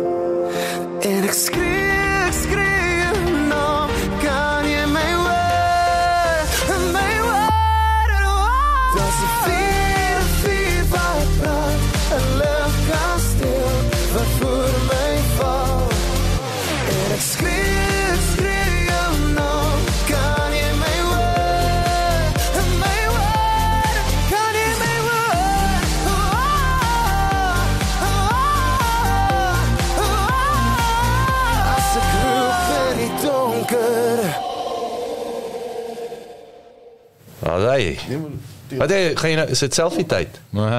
As jy mother, Ek doen dit nie selfie. Dit net die selfie. Hoorie, hierdie was 'n uh, fantastiese. Deel wat vertel nou eers hier so. Ek het ek staan hier buite, ek maak my naam gat. Ek sê ja, nou crap weer app. Hy het gesê is 30% kans vir reën en en ons spoel weg en toe het my reg gehelp wat dit eintlik beteken en ek het dit nie geweet nie. Ja, ja, so dit eintlik werk is sê in 'n area gaan na 30 per, daar's 'n 30% gedeelte van daai area wat gaan reën kry. So weet jy, mens moet verstaan hoe groot daai area waar hulle die waar hulle die reën waar hulle die die weer meet. So 30% van daai area gaan reën kry of jy nou in daai 30% is of nie. Dis waar gaan. So as hulle met ander woorde as hulle sê 100% gaan daai hele area reën kry. Nie dis 100% kans van reën nie. Ah, Ou sien. So okay, jammer ehm um, weer app bouers.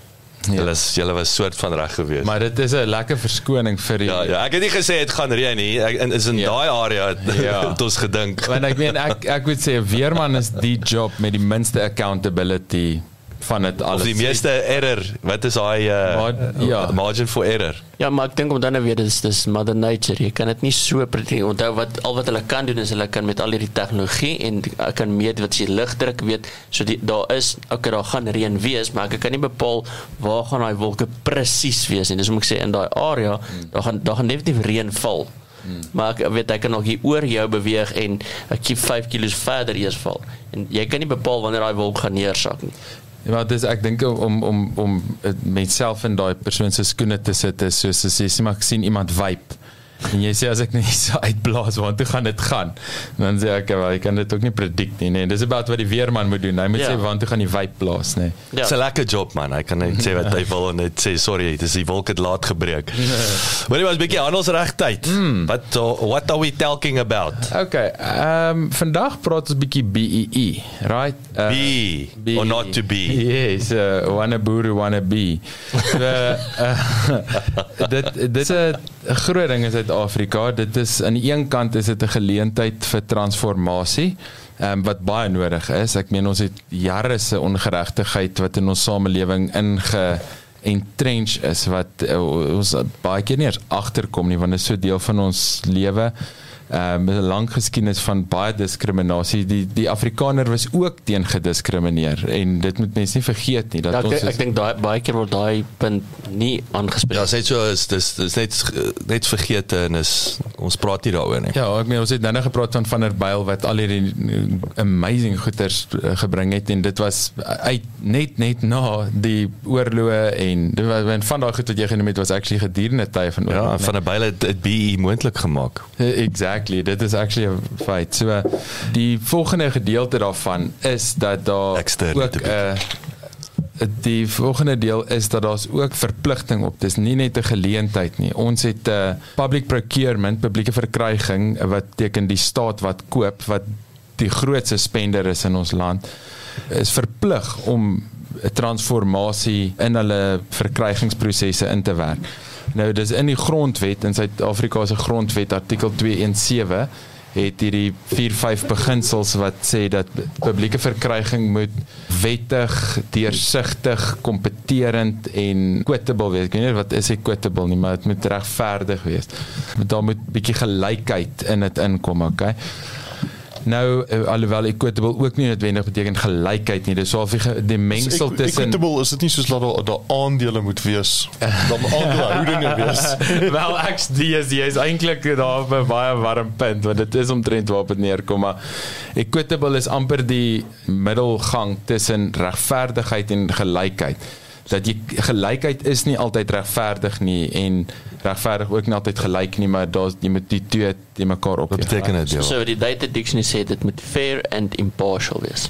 okay wel uh, equitable Ja. Maar wel, ek dink equitable het eintlik in ons land en dit dis 'n baie goeie punt daai want ons uh, pas equitable toe as ook om te beteken want ons gee dit 'n grondwetlike interpretasie so met die hele grondwet saamlees sê ook dat daar 'n plig op om seker te maak dat die injustices of the past gecompensate voor word. So dis 'n uitdruklike ding wat sê in ons land is dit equitable as jy bietjie overcompensate aan die een kant en, en aan die ander kant. So dis of 'n uh, Maar daai is toe nou geïnterpreteer en ek sê ekstreem. Eh, wat ons gesien het en dis baie hartseer. Kyk ons wette in ons land is nie ons probleem nie. Wel, daar's 'n paar wat miskien debatteerbaar is hang af hoe jy daarna kyk, maar oor die algemeen het ons land fantastiese wette en ek kan dit vir julle reg sê, plaaslike regering, ons nasionale regering het regtig baie baie goeie kwaliteit, hoë standaard wette. Dit gaan oor die toepassing, dit gaan oor die of dit actually toegepas word, word dit verstaan,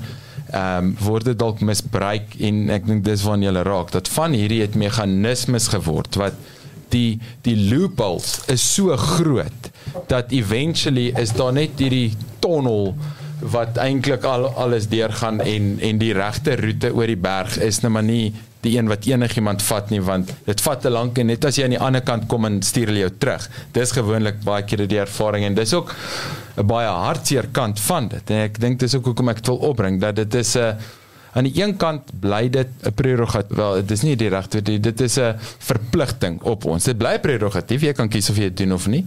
Maar dis eintlik 'n verantwoordelikheid dat ons moet 'n bietjie kyk hoe gaan ons vorentoe. Weet ons praat van vooruitbeplanning. Dit gaan nie net oor om een of ander instansie te skep of om een of ander company te stig of wat ook al wat werk skep of wat nie. Ons is in 'n ekosisteem.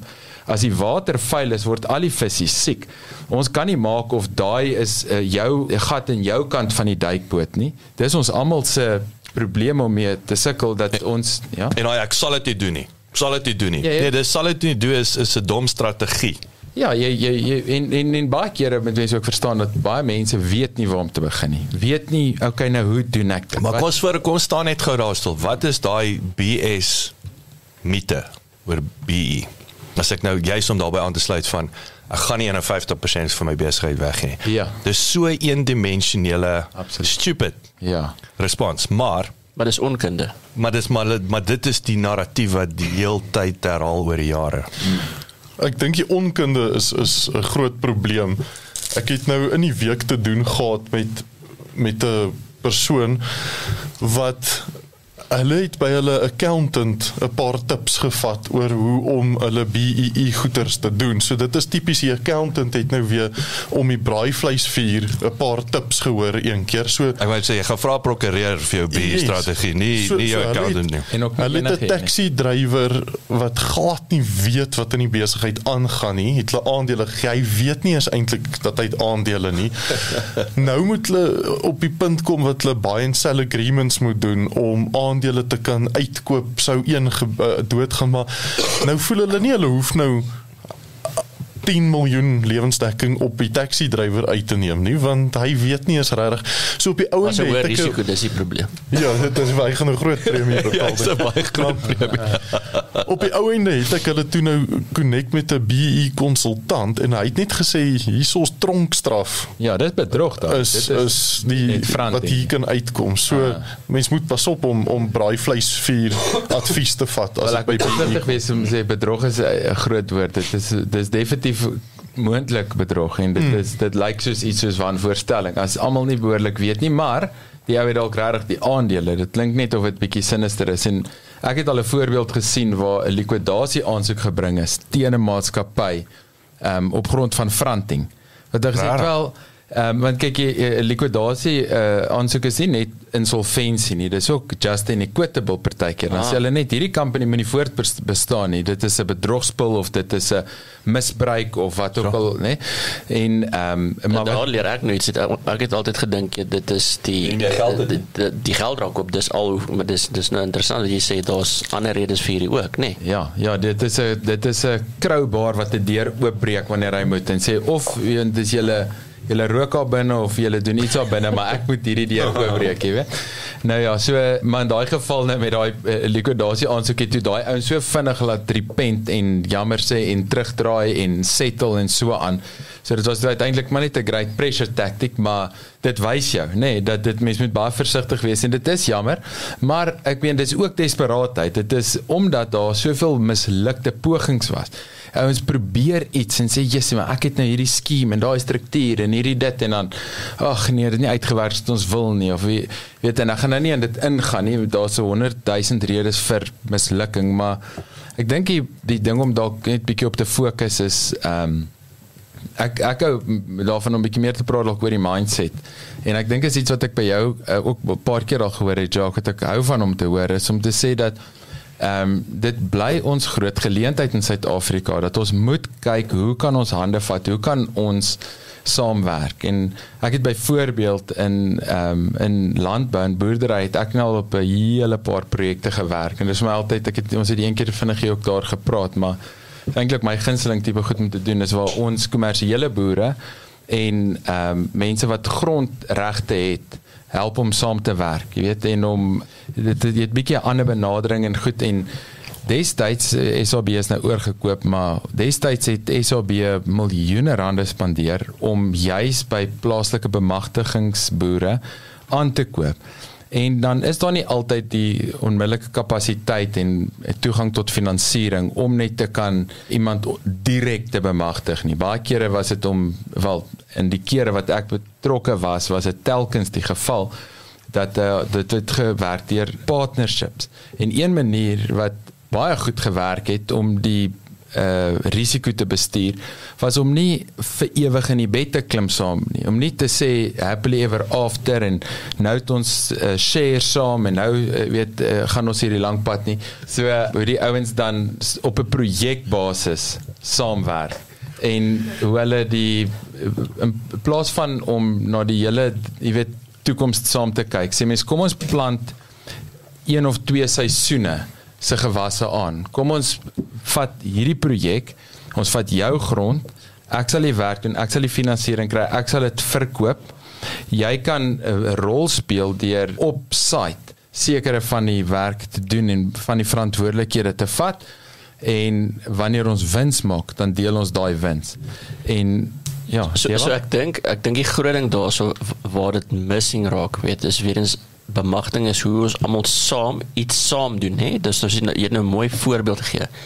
Maar ek dink is weer eens onkunde en waar ons ons voorbeeld nou word en, en ons kan weer terug aan klassiek Eskom waar daar nie waarde toevoeging is nie. Weet waar jy R20 vir 'n toiletrol betaal en R100 vir 'n Big Pen en hmm. daar's soveel middelmanne wat nie waarde toevoeg nie wat net vir the namesake weet of BE net weet ek is 'n naam op 'n papier met 'n koneksie tender entrepreneurs tenderpreneurs hmm. en en ek dink is omdat daai media toegang media dit dit is die ding in ons gesigte wat ons gesig staar wat die slegte smaak laat wat maak dat mens teen hierdie beginsel is. Hmm. En en dis ook maar weer eens sê ek dink die die groot ding wat mens moet sien is waar as hierdie bemagtiging inkom waar almal weet ek vat weer in 'n sea of a rising tide all ships rise, né? Nee? Hmm.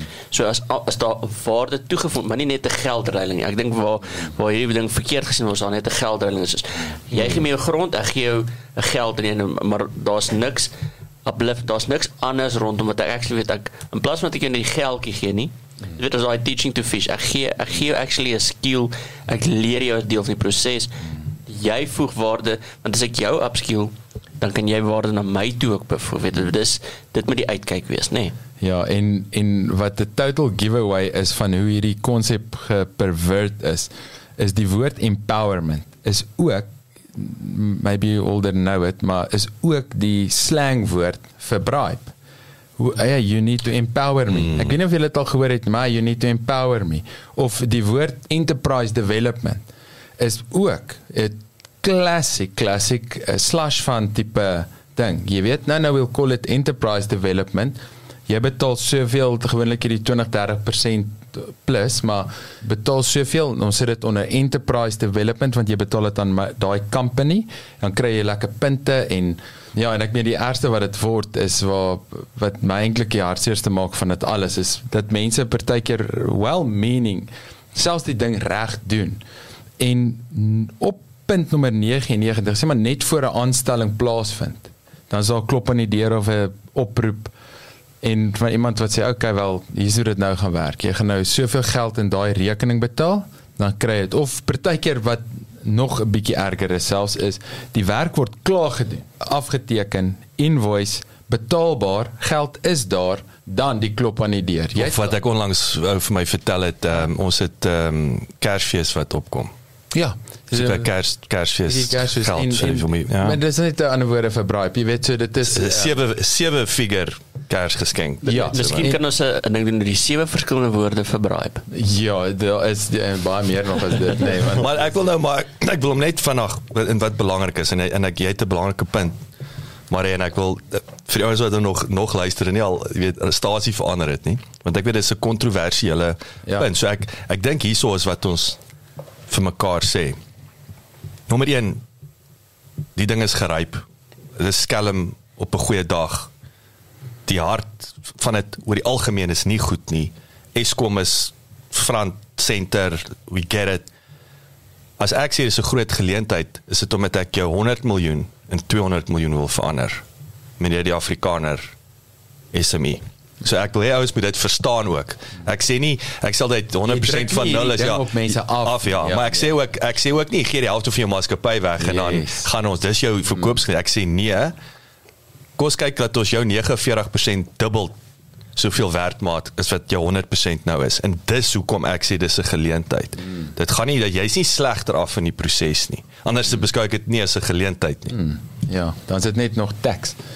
Ja, so ehm um, dit is 'n baie moeilike ding hierdie en ehm um, weet die tipe goeters wat mense ook maar leer oor tyd is dit partykeer dan so ook bo ambisies. Mense dink soos wat jy nou sê, okay, al wat ek moet doen, ek moet hierdie transformasie deurgaan met my besigheid. Ek moet my level opkry, my my score, my rating. Ek is nou 'n level 5, nou moet ek 'n 4 of 'n 3 of 'n 2 of 'n 1 word.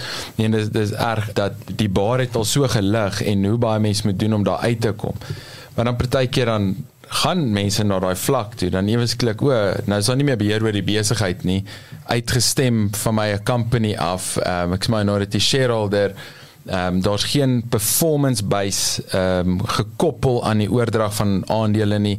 So dit was eintlik bietjie van 'n freebie dish out en sonder daai prestasie na die tyd en van die lesse wat ons nou maar leer is om net mooi daai goeders in die eerste plek te bestuur as deel van die struktuur van so 'n tipe transaksie. Dit moet baie duidelik te wees. Okay, wie gaan wat doen? Dit begin by okay, weet jy jy gaan aandele kry. Okay, dit is obviously deel van die assumptions maar dan daarna is dit soos okay besef jy daar's 'n verantwoordelikheid wat 'n reward en risk word gekoppel aan daai verantwoordelikheid en ek dink dit dit help al klaar om net 'n bietjie maar weer eens ek wil sê dit raak so so so moeilik en ek gaan nie maak of ek die antwoorde het nie. Ek ek dink ek wil eintlik 'n bietjie die pot ook net stir jy weet en en daar buite sit. Ons besef dit is 'n baie moeilike kwessie dis nodig. Ons almal is verantwoordelik maar dis dis so moeilik want daar is selfs partykeer mense wat dit reg doen. Hulle het korrupte koneksies ek ek sê nie ek condone dit vir een oomblik nie. Ek is maar net bewus van wat daar buite gebeur. Uh mense het hulle koneksies, maar dan hulle nie die regte koneksies nie, want daar's 'n hoër inner circle wat die wat die mag regtig het om besluite te maak. So een ding wat wat ek wil sê dis amper soos 'n 'n eerlike dief uh, voorbeeld. Ons moet ook nie een ding so kom ons kom ons vergeet of kom ons fokus op die eerlike ouens. Nou het jy jou BE agente, jou boxie tickers. Ek noem hulle boxie tickers. Ek dink jy ouens verstaan actually die tragedie van 'n van hierdie boxie tickers nie. Want party van hierdie boxie tickers het 30 miljoen rand per jaar wat hy kry. So hy hy vat die 30 miljoen vir die groot maatskappy. Die maatskappy wil net fokus op hulle op hulle besigheid. Daai boksie is daai B boksie is getik. Nou toe daai enterprise development fund of training and development. Nou sit daai pers daai persoon persone met 30 miljoen wat hulle nou op 'n eerbare manier gaan spandeer. Dan gaan blaas hulle dit. Hmm. Dit word nie geïnvesteer nie. Die 30 miljoen word nie in 'n ander inisiatief. Easy come easy go. Dit is. So met ander woorde, daai is vir my die grootste tragedie. Ek wil sê ons kan nou die die die die die die modder en die in die strand te goed probeer uitvee. Ek sê kos begin actually waar dit reg en wettiglik en mooi skoon gebeur en ons sê okay, well done ouens, julle tik legal hierdie regte boksie. B agent, jy's die beste ou in van 'n byl. Maar weet jy wat, daai 30 miljoen kom ons kyk nou. Kom ons kom ons kyk nou, hoe kan ons besighede daarmee begin of addisionele werk ripple effek as wat jy nou net gaan net ander boksies gaan tik druk dit in 'n kursus in wat wat die ou stappa uit slimmer en hy het nog steeds nie werk is is 'n voorbeeld. Is dit nou nie terug in waar ons begin het met van 'n byl nie, weet ons te sê laat dit true enterprise development is verstaan dit mm. en dis, ek dink dis weer eens waar die dinge van bemagtiging nê mm. is dat daai geld gaan vir upskilling nie ek het 'n kursusie gedoen nie weet dit is kom ons vat van 'n Bylpark of van 'n Byl industrial area ding ek het nog ambagsmanne geskep mm. hulle kom weer in die en daar's man daar's 'n tekort aan hulle as en daar is nê ek was 'n ja. baie goeie voorbeeld so, so jy skep hulle maar maar, maar die, ek dink waar die groot stelsel moet saamwerk is daar moet waar dit so mismoedig partykeer is dit daar moet vir daai oue plek wees na die tyd. Al is dit 'n internship as dat hy net sy voete kan vind, dat hy iets kan doen. Want daar is tog 'n ding en ek dink dis die groot ding is om sê in plaas van dat ek die 10 randjie kry, het ek het jy my iets geleer en 'n skill geleer om daai 10 rand nou te verdien. Daar's 'n eerbaarheid in dit. En ek dink dis waar die core van bemagtiging eintlik moet wees om te sê ek bemagtig jou deur jou leer om vis te vang en nie net ek bemagtig om 'n stukkie van die vis te gee. Of wat in die geval, jy weet hoe voel ek oor normale opvoeding wat teoreties monsters is veral in besigheid. Presies daai, ek het jou geleer nou. So daar's elke, elke tweede wielie walie te kursus. Maar soos jy nou regtelik sê, kan hy daar uitstap sê en 2 maande later dit te plan 2000 rand 'n ja. maand verdien met met die skill wat geleer is. Ja, dis dis die uitdaging. Of soos wat jy praat met die CRM dan nou, is dit deel van 'n strategie. Mm. Of weet jy net hierdie een app jy weet ja, basically ja, ja. en dis omtrent wat dit moet saam alles moet saamwerk ja. strategie en ek wil nou sê die die woord in Suid-Afrika wat mense nou baie hoor is socio-economic development nou dink mooi dis sosiaal-ekonomiese ontwikkeling jy moet nie net geld kry nie dit gaan oor die sosiale impak daarvan en hoe dit is social ROI in Engeland. Hulle praat van 'n ah, SROI. Sure. Dis ou nuus, né? Nee? Ja. Wel, dis ook daai uh, triple bottom line en al daai goed. Ja, maar dit in Engeland jou jou jou staatskontrakte. Of jy nou ja, met die plaaslike regering, daar's 'n daar's 'n persentasie sure. van wat doen jou besigheid om die wêreld 'n beter plek te maak. Deel van die besluitnemingskriteria behalwe 'n goeie prys en 'n 'n diens. Hmm. En ek dink ons moet SROI is 'n belangrike komponent of selfs met jou procurement. Weet as jy besluit neem met wie jy wil werk, hmm. is yes, jy's excellent wat jy doen, maar as daar jy weet dit jy meganisme om om die wêreld so bietjie beter te maak is as Porsche nommer 3.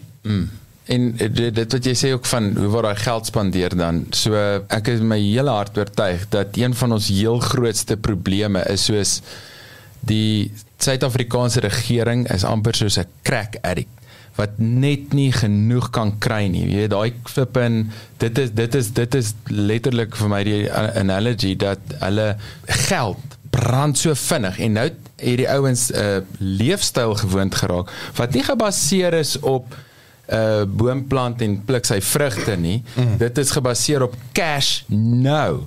Jy weet en dis hoekom die extortion so erg word. Dis hoekom die ouens in die deure klop en die uh, fone laat lei en, en mense heeltyd afpers om bribes te doen waar goeie mense wat ek van weet ingegee het. Jy weet wat dit dit is so sad. Ek meen dit is dan hou op vingerwys vir een want dit is almal betrokke.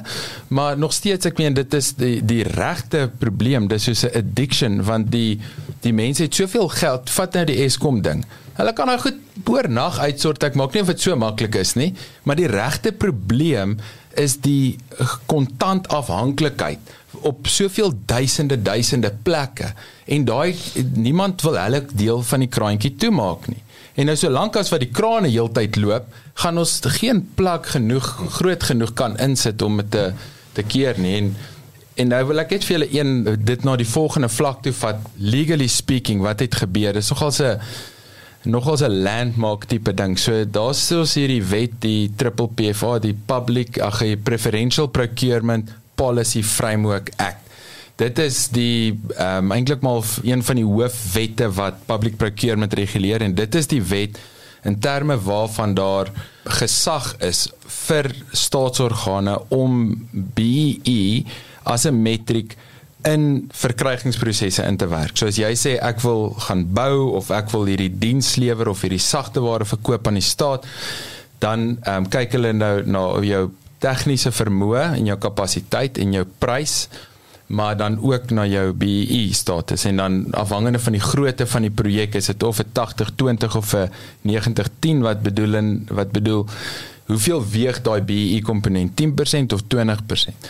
Maar toe wat nou gebeur het oor die laaste paar jare, dis 'n hele gesprek. um, Ek kon nou maklik net op dit gefokus het, maar dit sou nou 'n bietjie meer 'n legal tipe ding wees. Ek nie bottom line is Daar was onsekerheid geweest hoe presies om daai wet te interpreteer want wat baie van die staatsorgane gedoen het is in hulle verkrygingsprosesse dan gebruik hulle daai 10 of 20% sommer as 'n first stop. Dan sê hulle as jy nie bo dit skoor nie in plaas van met net te weeg en saam op die skaal te sit, het hulle dit as 'n filter gebruik. Mm. Sê jy moet bo 9 uit 10 kry of jy gaan nie eers deur dan kyk ons nie eers na jou vermoë en jou prys nie.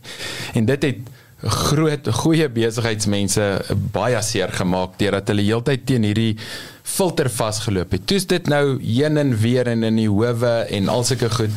Uiteinde van die saak is daar nou nuwe regulasies uitgekom in terme van hierdie wet. Wat dit nou op neerkom is dat hulle sê elke staatsorgaan en daar's honderde moet sy eie beleid bepaal.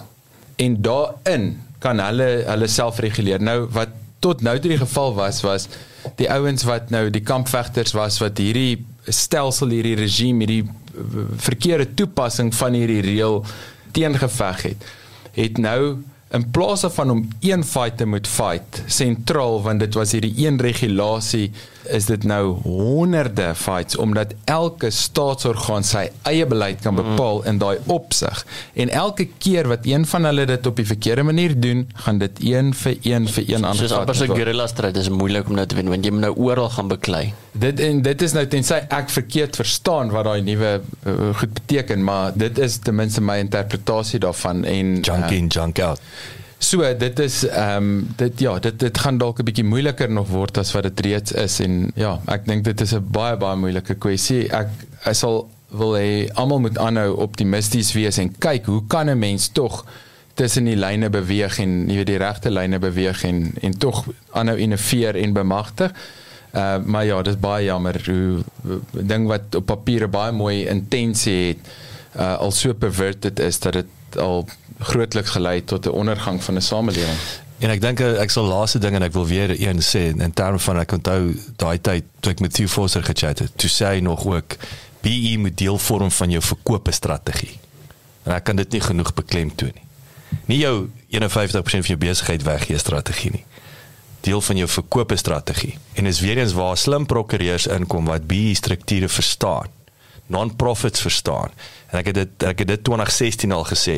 BE is die grootste besigheidsgeleentheid wat ek nog ooit gesien het omdat as jy weet die wet vereis dat geld op 'n spesifieke plek gespandeer moet word as hierdie drie of vier kriteria's aan voldoen, maak dan seker jy posisioneer jouself dat jy kan gaan skep. Dit is ek sê dit is so maklik soos dit en is so uit uitdagings soos dit, maar dis selfs soos 'n BE agent. Ek sê veel regtig, ek het op stadium nou gekyk al wat moet ek doen nou? Dink ek wil 'n BE agent word. Dis 'n super voorbeeld. Daai vorm deel van my medium termyn sales strategie. Ek laat dit daar. Ja. So nee, ehm um, dankie julle. Dit was 'n interessante uh, gesprek. Dankie vir julle terugvoer en ja, ek dink as daar iemand is wat luister wat dalk 'n gedagte hieroor het en dit met ons wil deel en dalk 'n ehm um, interessante opmerking het of 'n vraag Ehm um, ja, laat ons daarvan hoor en veral as daar positiewe konstruktiewe voorstelle is. Ek dink dis waar ons die meeste belang stel. Dis nie net anders te word jy geber in die lied. Ja, ek ek gee nie eintlik om om 'n debat hieroor te hê nie. Dis nie vir my interessant nie. Wat vir my interessant is is die oplossing wat ons soek. Is wat werk? Waarna kyk ons? Waartoe gaan ons? Ja, ek ek dink ek wil net laasens sê wat ek wil aansluit by dit is ek dink enigiemand wat luister is dit wat ons sê ons is nie ons is redelik experts op ons veld met betekenis is alles wetend nie. Mm -mm. So weet waar ook al jy na hierdie luister of dit weet asseblief kom en sê iets as jy oor enigstens iets spesifiek wil meer weet ook vra oor dit ook uit weet ons sal graag in spesifieke terme of spesifieke ek moet sê topics ons ingaan. Ehm um, wat ook al jy as luisteraar in belang stel so weet belangrikheid daar is weet connect met ons. Maar sê ek hou daarvan. Gaan jy gaan jy gaan? Ek gaan so 5 minute hoor wat Ernest. Ek was eers Ek gaan hoor of dit 'n snaaks genoeg is. Ek wil 'n storie hoor. Ja, ek begin Ons gaan ons ons ons gaan 'n breek van as ons terug met 'n uh, boervin en Ernest Stander. Chat nou weer met julle.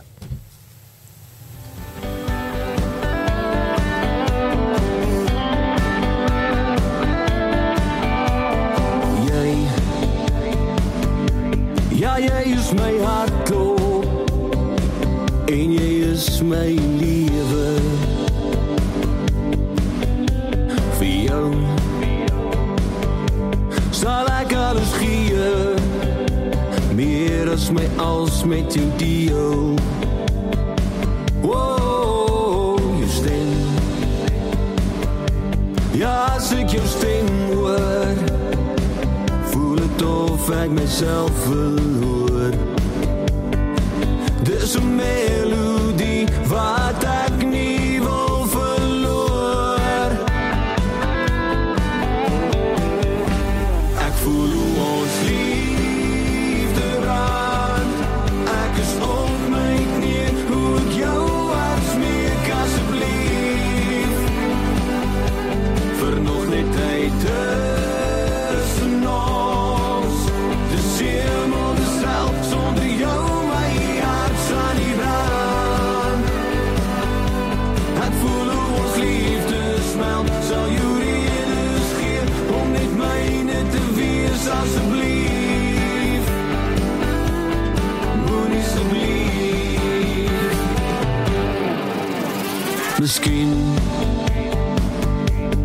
As jy dit 'n kans gee, sal jy in jou hart weet. Verstaan jy hoekom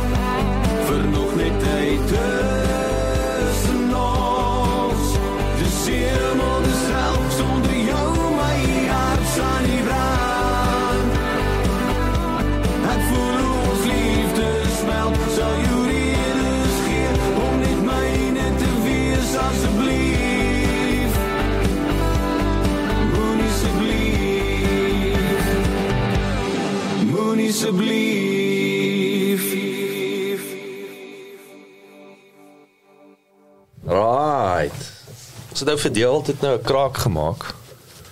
Hy het uh het 'n grade plegtigheid van sy Wat jou kinders voor jy weghardloop? Wat wie se wie se grade plegtig is? Ehm Nicole sê. Dis Nicole 6. baie geluk. Geniet dit. Geluk. Geluk. Right.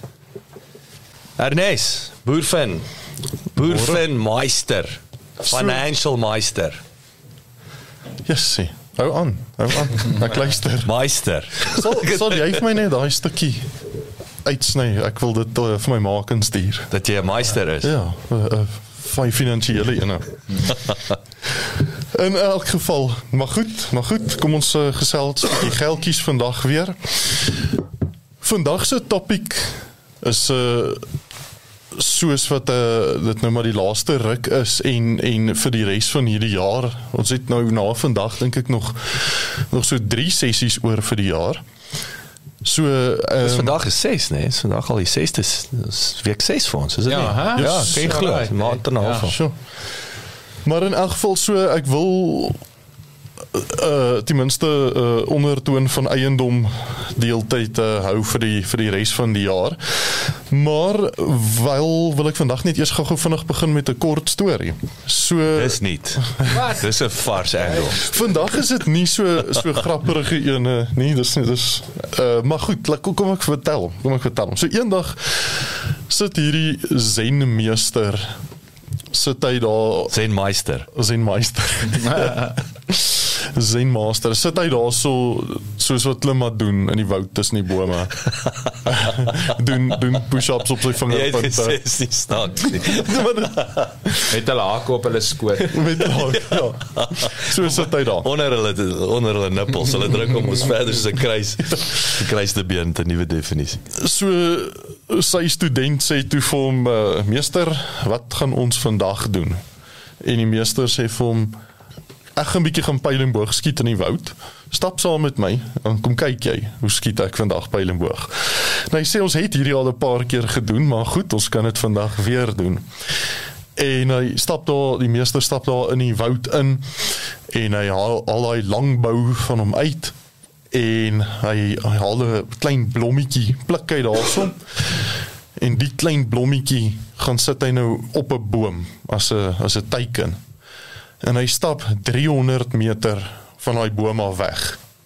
En hy sê vir die uh, student bind gou my oë toe met hierdie serp, dan wys ek jou iets. En uh, die die student bind die meester se oë toe en hy haal 3 keer diep asem en hy skiet sy pyl.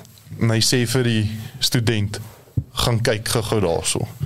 En die student hardloop en hy gaan kyk maar daar is die blommetjie nog heeltemal intak teen die boom vas. hy soek die pyl maar dis nie naby nie.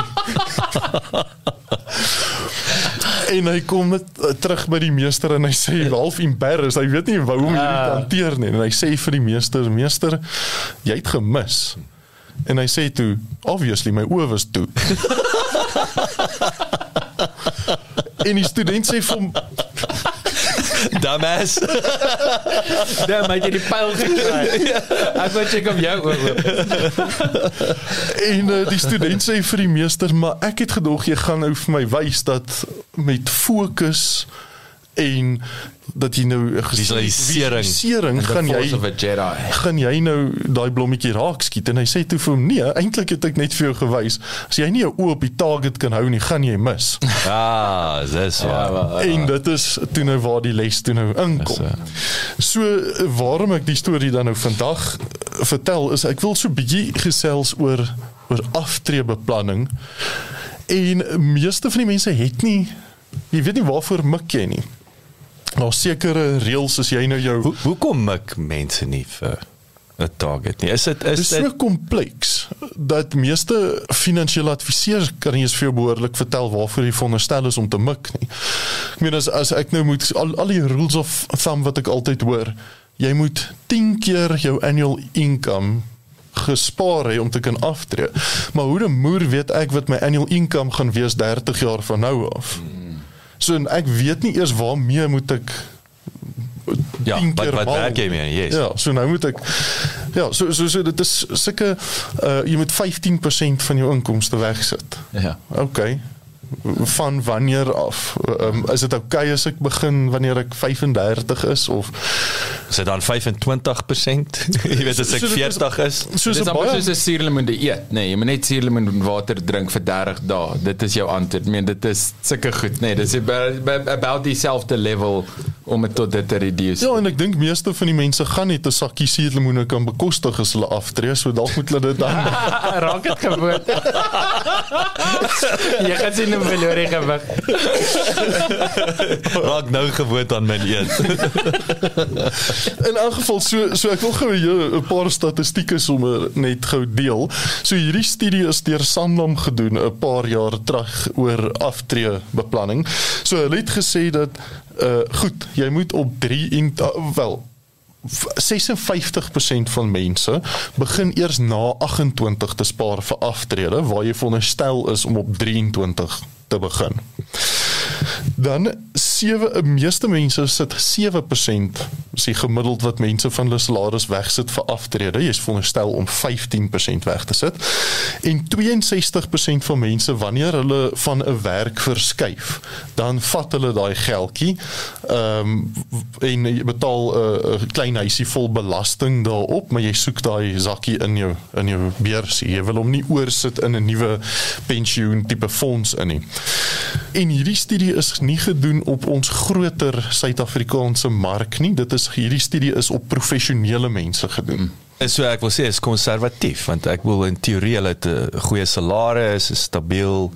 So dis base case scenario hierdie. Nuus. Dit gaan sy van daar af. Wel, ek moet sê ek het al baie kere en dit is eintlik vir my verbasend. Ek het al partykeer gesien dat mense wat baie arm is wat ek letterlik nie weet hoe hulle oorleef nie geld spaar wat ten minste proporsioneel mm. baie meer is wat ek al reg kry. Ja. Soos uh, wat eintlik 'n baie hoër vlak van finansiële dissipline het en weet dink hoe mense aan stokvels deelneem en sulke goeters wat Ja. mense dra deur baie moeilike tye. Mm. So ek ek ek sê maar net dit is 'n dit is is ook versigtig wees oor algemeening, maar ek dink dit is nie 'n heeltemal 'n miskonsepsie nie. Ja. Ehm um, maar ek dink ons tipiese luisteraar wat na son luister val in hierdie min of meer in hierdie klas wat wat ons nou van praat. So 51% van mense kan die dag wat hulle aftree nie eens maak meet nie. Hulle kan, hulle kan nie bekostig om af te tree nie. Nie nou praat ek nie van 10, 15 jaar in aftrede in nie. Vandag een af kan hulle dit al nie bekostig nie. 51%.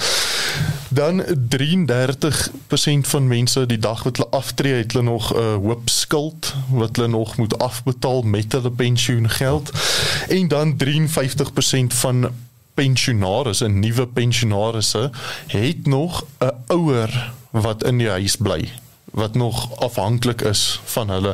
So dit kom by daai sandwich generation wat hulle praat van. So tipies ehm um, bietjie die ouer die mense wat nou in in aftrede min of meer ingaan, sit baie keer met 'n 35 of 'n 38 jarige kind wat nog in die huis is en dan met 'n ouer wat nog lewe. So jy sit weerskante toe nog met 'n finansiële afhanklike Maar jy is 'n killer in Counter Strike. ja, ja. Ja. ons het so ons het so 'n buurman wat nog by sy ma bly wat so gil terwyl hy sy game speel. Ai. Dan in elk geval ek het hom al 'n paar keer gaan stil maak. En dan speel ons nou speel ek met my kinders in die tuin. Hoor jy En net hoe dan- vloek hy op die online Dan game? gooi hy ons met peerbomme daarvan bo af. Ja. Ehm um, so ek ek kan dit nogals nie hanteer nie, maar in elk geval. So dit is dit is 'n 'n situasie, 'n scenario wat ek gou hier skep. So basically wat ek uit hierdie statistieke uitvat is as jy nie op 23 begin spaar het vir jou aftrede nie. As jy nie 15% van toe af reg deur wegsit nie en as jy al ooit jou geld gevat het as jy van 'n werk verander het, is jy in jou moer in. Julle met 'n lekker naweek hè. Dan kan jy nie die blinddoek van jou oë afmeel nie. Nou help dit nie ek kyk Dit nie. dan want ja, dan dan jy jy nie nou klaar, nie. dan het jy hierdie game se reëls terwyl ons nou van die games praat. Jy die reëls gebreek van hierdie game en om nou weer daai boksies te gaan tik om te sê om dit in te haal wat jy nou verloor het is raak dan regtig baie moeilik. vir al die double whammy want nou is jy so oop om vir 'n scam gevang te word vir 'n get rich quick scheme nê nee, want nou dink jy net Jesus hoe haal ek hierdie in hè?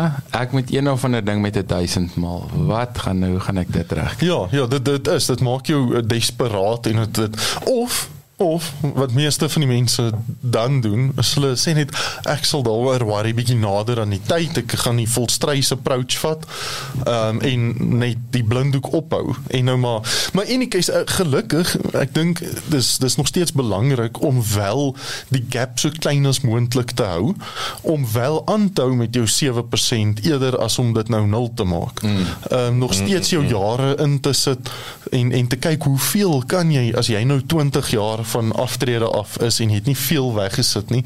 Kyk maar hoeveel kan jy wegsit in 20 jaar? Miskien 'n bietjie van jou SARS geld wat uitbetaal as 'n besigheidseienaar wat gooi nou maar 'n lampsampie elke jaar in, probeer daai maandeliks te doen, hou die gap so klein as moontlik. Maar waaroor ek vandag dan 'n klein bietjie wil praat is, hoe vul ons dan die res van die gap? En dit is waar ek nou weer nou maar inkom. Ek dink almal weet wat die antwoord is. Eiendom. Koop 'n eiendom of 3 om daai gap kleiner te maak. So ek het 'n rukkie terug gewerk aan 'n calculator.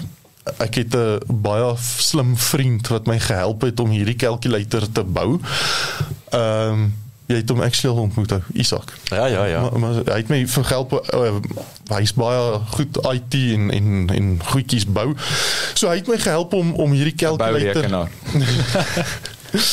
en ehm um, so so wat wat hierdie calculator van my doen is basies om te gaan kyk dit wat jy reeds weggesit het. Dit wat ons ons dink jy nog in die toekoms gaan wegsit. Hoeveel gaan dit werd wees teen die tyd wat jy aftree en hoeveel gaan jy nodig hê um, in in die toekoms met inflasie en alles ingereken wat gaan jy nodig hê om te kan aftree en dan vat ons daai shortfall en ons kyk hoeveel eiendomme van watse waarde gaan jy nodig hê om daai gap mee te kan vul. Ehm um, dit is nou nogals heel interessant want as jy nou byvoorbeeld jou sommetjies maak, jy het 'n uh, 20000 rand per maand shortfall, dan weet ons goed, jy gaan plus minus nou so gou as moontlik twee eiendomme moet koop van plus minus 1.2 byvoorbeeld miljoen rand elk dat hulle so naby as moontlik in vandag se geldwaarde vir jou 'n uh, 10000 rand return kan gee sou hulle afbetaal gewees het. Nou het jy 20 jaar om hom af te betaal en wat die som relatief makliker maak is die huurinkomste groei ook met inflasie. So as hy vandag vir my 10000 gaan gee, gaan hy oor 20 jaar van nou af vir my die min of meer die ekwivalent van 10000 rand gee. En op hierdie manier kan ons dan nou ons gap al hoe kleiner maak deur om van eiendom gebruik te maak. So ons het ons het dan nou nog 3 soos ek net nog sê 3 episodes oor vir die jaar. En vir die volgende 3 episodes gaan ek bietjie fokus op die strategieë wat ek gebruik en wat ek in op 'n harde manier al geleer het um hoe om in eiendom te belê en hoe om dit so winsgewend as moontlik te maak. So dit is die MBA, so dit is Boervin se MBA in eiendomsbelegging strategie. So so ek gaan bietjie in die M, die B en die A gaan indelf. So net om so vinnig somme net te te sê wat dan nou voor lê vir die volgende 3 weke. So volgende week begin ek met die M. Die M is vir motief. So uh, mens koop verkieslik eiendom as jy dit as 'n belegger wil jy altyd onder markwaarde eiendom koop. En die enigste manier hoe jy onder markwaarde sal regkom is nie as jy dit van die plan af koop of van by 'n eiendomsagent gaan koop nie. Daai goederes op property 24 is alles markwaarde. So jy wil by die gemotiveerde uh, yes auction is deel van want dit is 'n gemotiveerde verkoper. Hmm. en dis waar die M vandaan kom. Interessant dalk is dat die definisie van markwaarde is so ek het dit nou nie die hele ding miskien reg het my kop het maar is basically so sê die prys waarteen 'n eiendom sal realiseer op die oopmark na voldoende bemarking op in 'n transaksie tussen willing buyer en willing seller. En baie willing buyer willing seller daar val so 'n bietjie weg wanneer dit ons markwaarde mense verstaan daai ding glad nie ja, willing buyer willing seller ja. beteken nie soos in want mense dink altyd met expropriation but I'm not a willing seller. I'm being expropriated. And says yes the measure of the value is as if between a willing buyer and willing seller. Yes. so hipotetiese kwessie en en dan as jy as jy daai definisie gaan afbreek in 'n waardasie kursus en hulle dan vat jy nou elke een van daai komponent want as jy waardasie doen moet jy dit gaan toets teen daai definisie. Mm. Nou een van die goed wat daai definisie breek is it's not a, a willing seller if it's a desperate seller. So as die bank die plek vat op 'n auction then you're not a willing seller. You better sell it. The bank is selling it. Ja, en dit is dan eintlik waarom jy soek, nee, so jy het 'n desperate seller is actually waar jy die markwaarde code kan krak, nê? Nee. Yes, yes. En en ek sal eerder by daai seller wil uitkom voor die bank die eiendom terugvat mm. sodat dit 'n wen-wen situasie is want ek wil ek wil ook altyd die verkoper in 'n beter posisie sit as wat hy of sy voorheen of was of wat volgende sou gebeur het so so ja, uitbuiting. Ja, nie uitby nie uitbuiting. Ja, want onder andere die bank sal maklik ek kan nie dink in minder 30 nie, maar 30 tot sien maar maklik 100 150 000 rand nog aftrek ook nog want hulle moet legal fees baie keer spandeer het om tot by daai punt van eksekusie mm, te kom yes. en auction fees en al daai goed Ja. So wat ek dan nou volgende week bietjie wil bespreek is waar kry jy hierdie gemotiveerde verkopers? Wat is die tipe strategie wat jy kan gebruik om om voor so 'n verkoper te kan sit voor die bank die eiendom terugvat en wel 'n goeie fair deal op die tafel te kan sit waar jy die eiendom dalk teen 'n 20% onder markwaarde kry, maar daai persoon ook nog kan wegstap met 'n paar rand in die sak en nie met die swart wolk oor hulle kop waar die bank die eiendom teruggevat het nie. So so dit is tipies. Ek gaan so dalk so 5 of 6 strategieë deel volgende week hoe ons by daai mense kan oh, uitkom. Nice. So dan die B van die MBA is berekeninge. So die uh, deal is net goed as jy klaar die somme gemaak het. Dit help nie jy koop 'n uh, eiendom 20 30% onder markwaarde maar jy weet nie hoe om hom te toets nie. Soos wat jy nou net gesê het maar uh, jy moet eers weet wat is die markwaarde. Jy moet eers daai somme gaan doen voor jy kan weet wat is 20% onder markwaarde. En byvoorbeeld om ook vas te stel is hierdie eiendom nie dalk in 'n omgewing wat besig om te verval nie. Jy kan hmm. natuurlik lucky wees maar die kans is bietjie groter dat jy gaan unlucky wees want jy jy, jy weet dalk nie jessie maar ek oh, jy gaan jy gaan nie hierdeur kry nie want dit is ja. is te gevaarlik of wat jy mm, weet ja. ja jy moet 'n paar keer ten minste op drie verskillende maniere die ding gaan toets om seker te maak cross reference alles en seker te maak jou berekeninge is reg gedoen sodat jy 'n worst case kan vrede maak met wat hoeveel gaan die belegging jou kos of hoeveel gaan jy maak en daarom 'n ingeligte besluit maak wanneer jy dan in 'n eiendomsbelegging inklim. So dit is die B van die MBA en dan die A natuurlik is by verre uh, my gunsteling ene en uh, die meeste ander mense se gunsteling ook. Die A is vir alternatiewe befondsing. So wat as die bank nie vir my daai miljoen wil gee nie of as hulle dit nie dadelik vir my wil gee nie. Hoe kan ek betrokke raak in eiendom? Hoe kan ek daai gap kleiner maak op aftrede sonder dat die bank noodwendig vir my die geld gaan leen. So dit is altyd 'n lekker gesprek. Dit is nie net sommer een of twee quick fixes nie, daar's ons 'n paar goed deurdinkte strategieë wat al oor en oor gebruik is. En daai is ook, weet Ernest, want ek kry baie, ek het 'n pel Philip, ek hoop jy luister jou skerminkel, die val jou jou entrepreneurs, nê? Nee? Mm. Jou entrepreneur, jou besigheidseienaar, vir, vir ons weet mos een van die mysteries of the universe somehow dat 'n payslip bied vir 'n bank meer sekuriteit as 'n entrepreneur wat 'n besigheid het. Nee, dit is vir my Yes. absolute want daar somehow sekuriteit, nee, in jou Wel, ek in jou hulle sekuriteit lê daarin dat hulle hulle hulle sê wel as jy nou 'n payslip tipe persoon is, gaan jy dalk weer net 'n job soek waar 'n entrepreneur het 'n groter kans om te val tot nul en weer 'n Ja, risiko maar sit te vat. maar sit in die 21ste eeu. Mm. Jou jou job is nie gewaarborg. Ja nee, ek ek ek, ek so so glad daai nie is ek sê jy ons het daai payslip dit het gewerk 20 jaar terug. So dit het gewerk. Mm. Nie nie in, in vandag ek wil sê post covid werk Ja. dit werk daai glad nie. So die bande originator wat ek altyd gebruik, hy vertel nou die dag vir my 'n uh, baie snaakse storie. So hy vertel vir my dit is hierdie besigheidseienaar en 'n ou wat vir hom werk. So hulle twee het bank toe gegaan om aansoek te doen om saam 'n huis te koop. Toe kry net die ou met die payslip. toe sê die toe sê die Jy kan hy borg vir 'n bank. Seker hy word Die eienaar sê toe vir die bank, ek gaan daai bliksem fire lank voor ek onder. so, Dis En- en- en- dis en hoekom daai- ons nie vir jou gaan geld nie. Ja.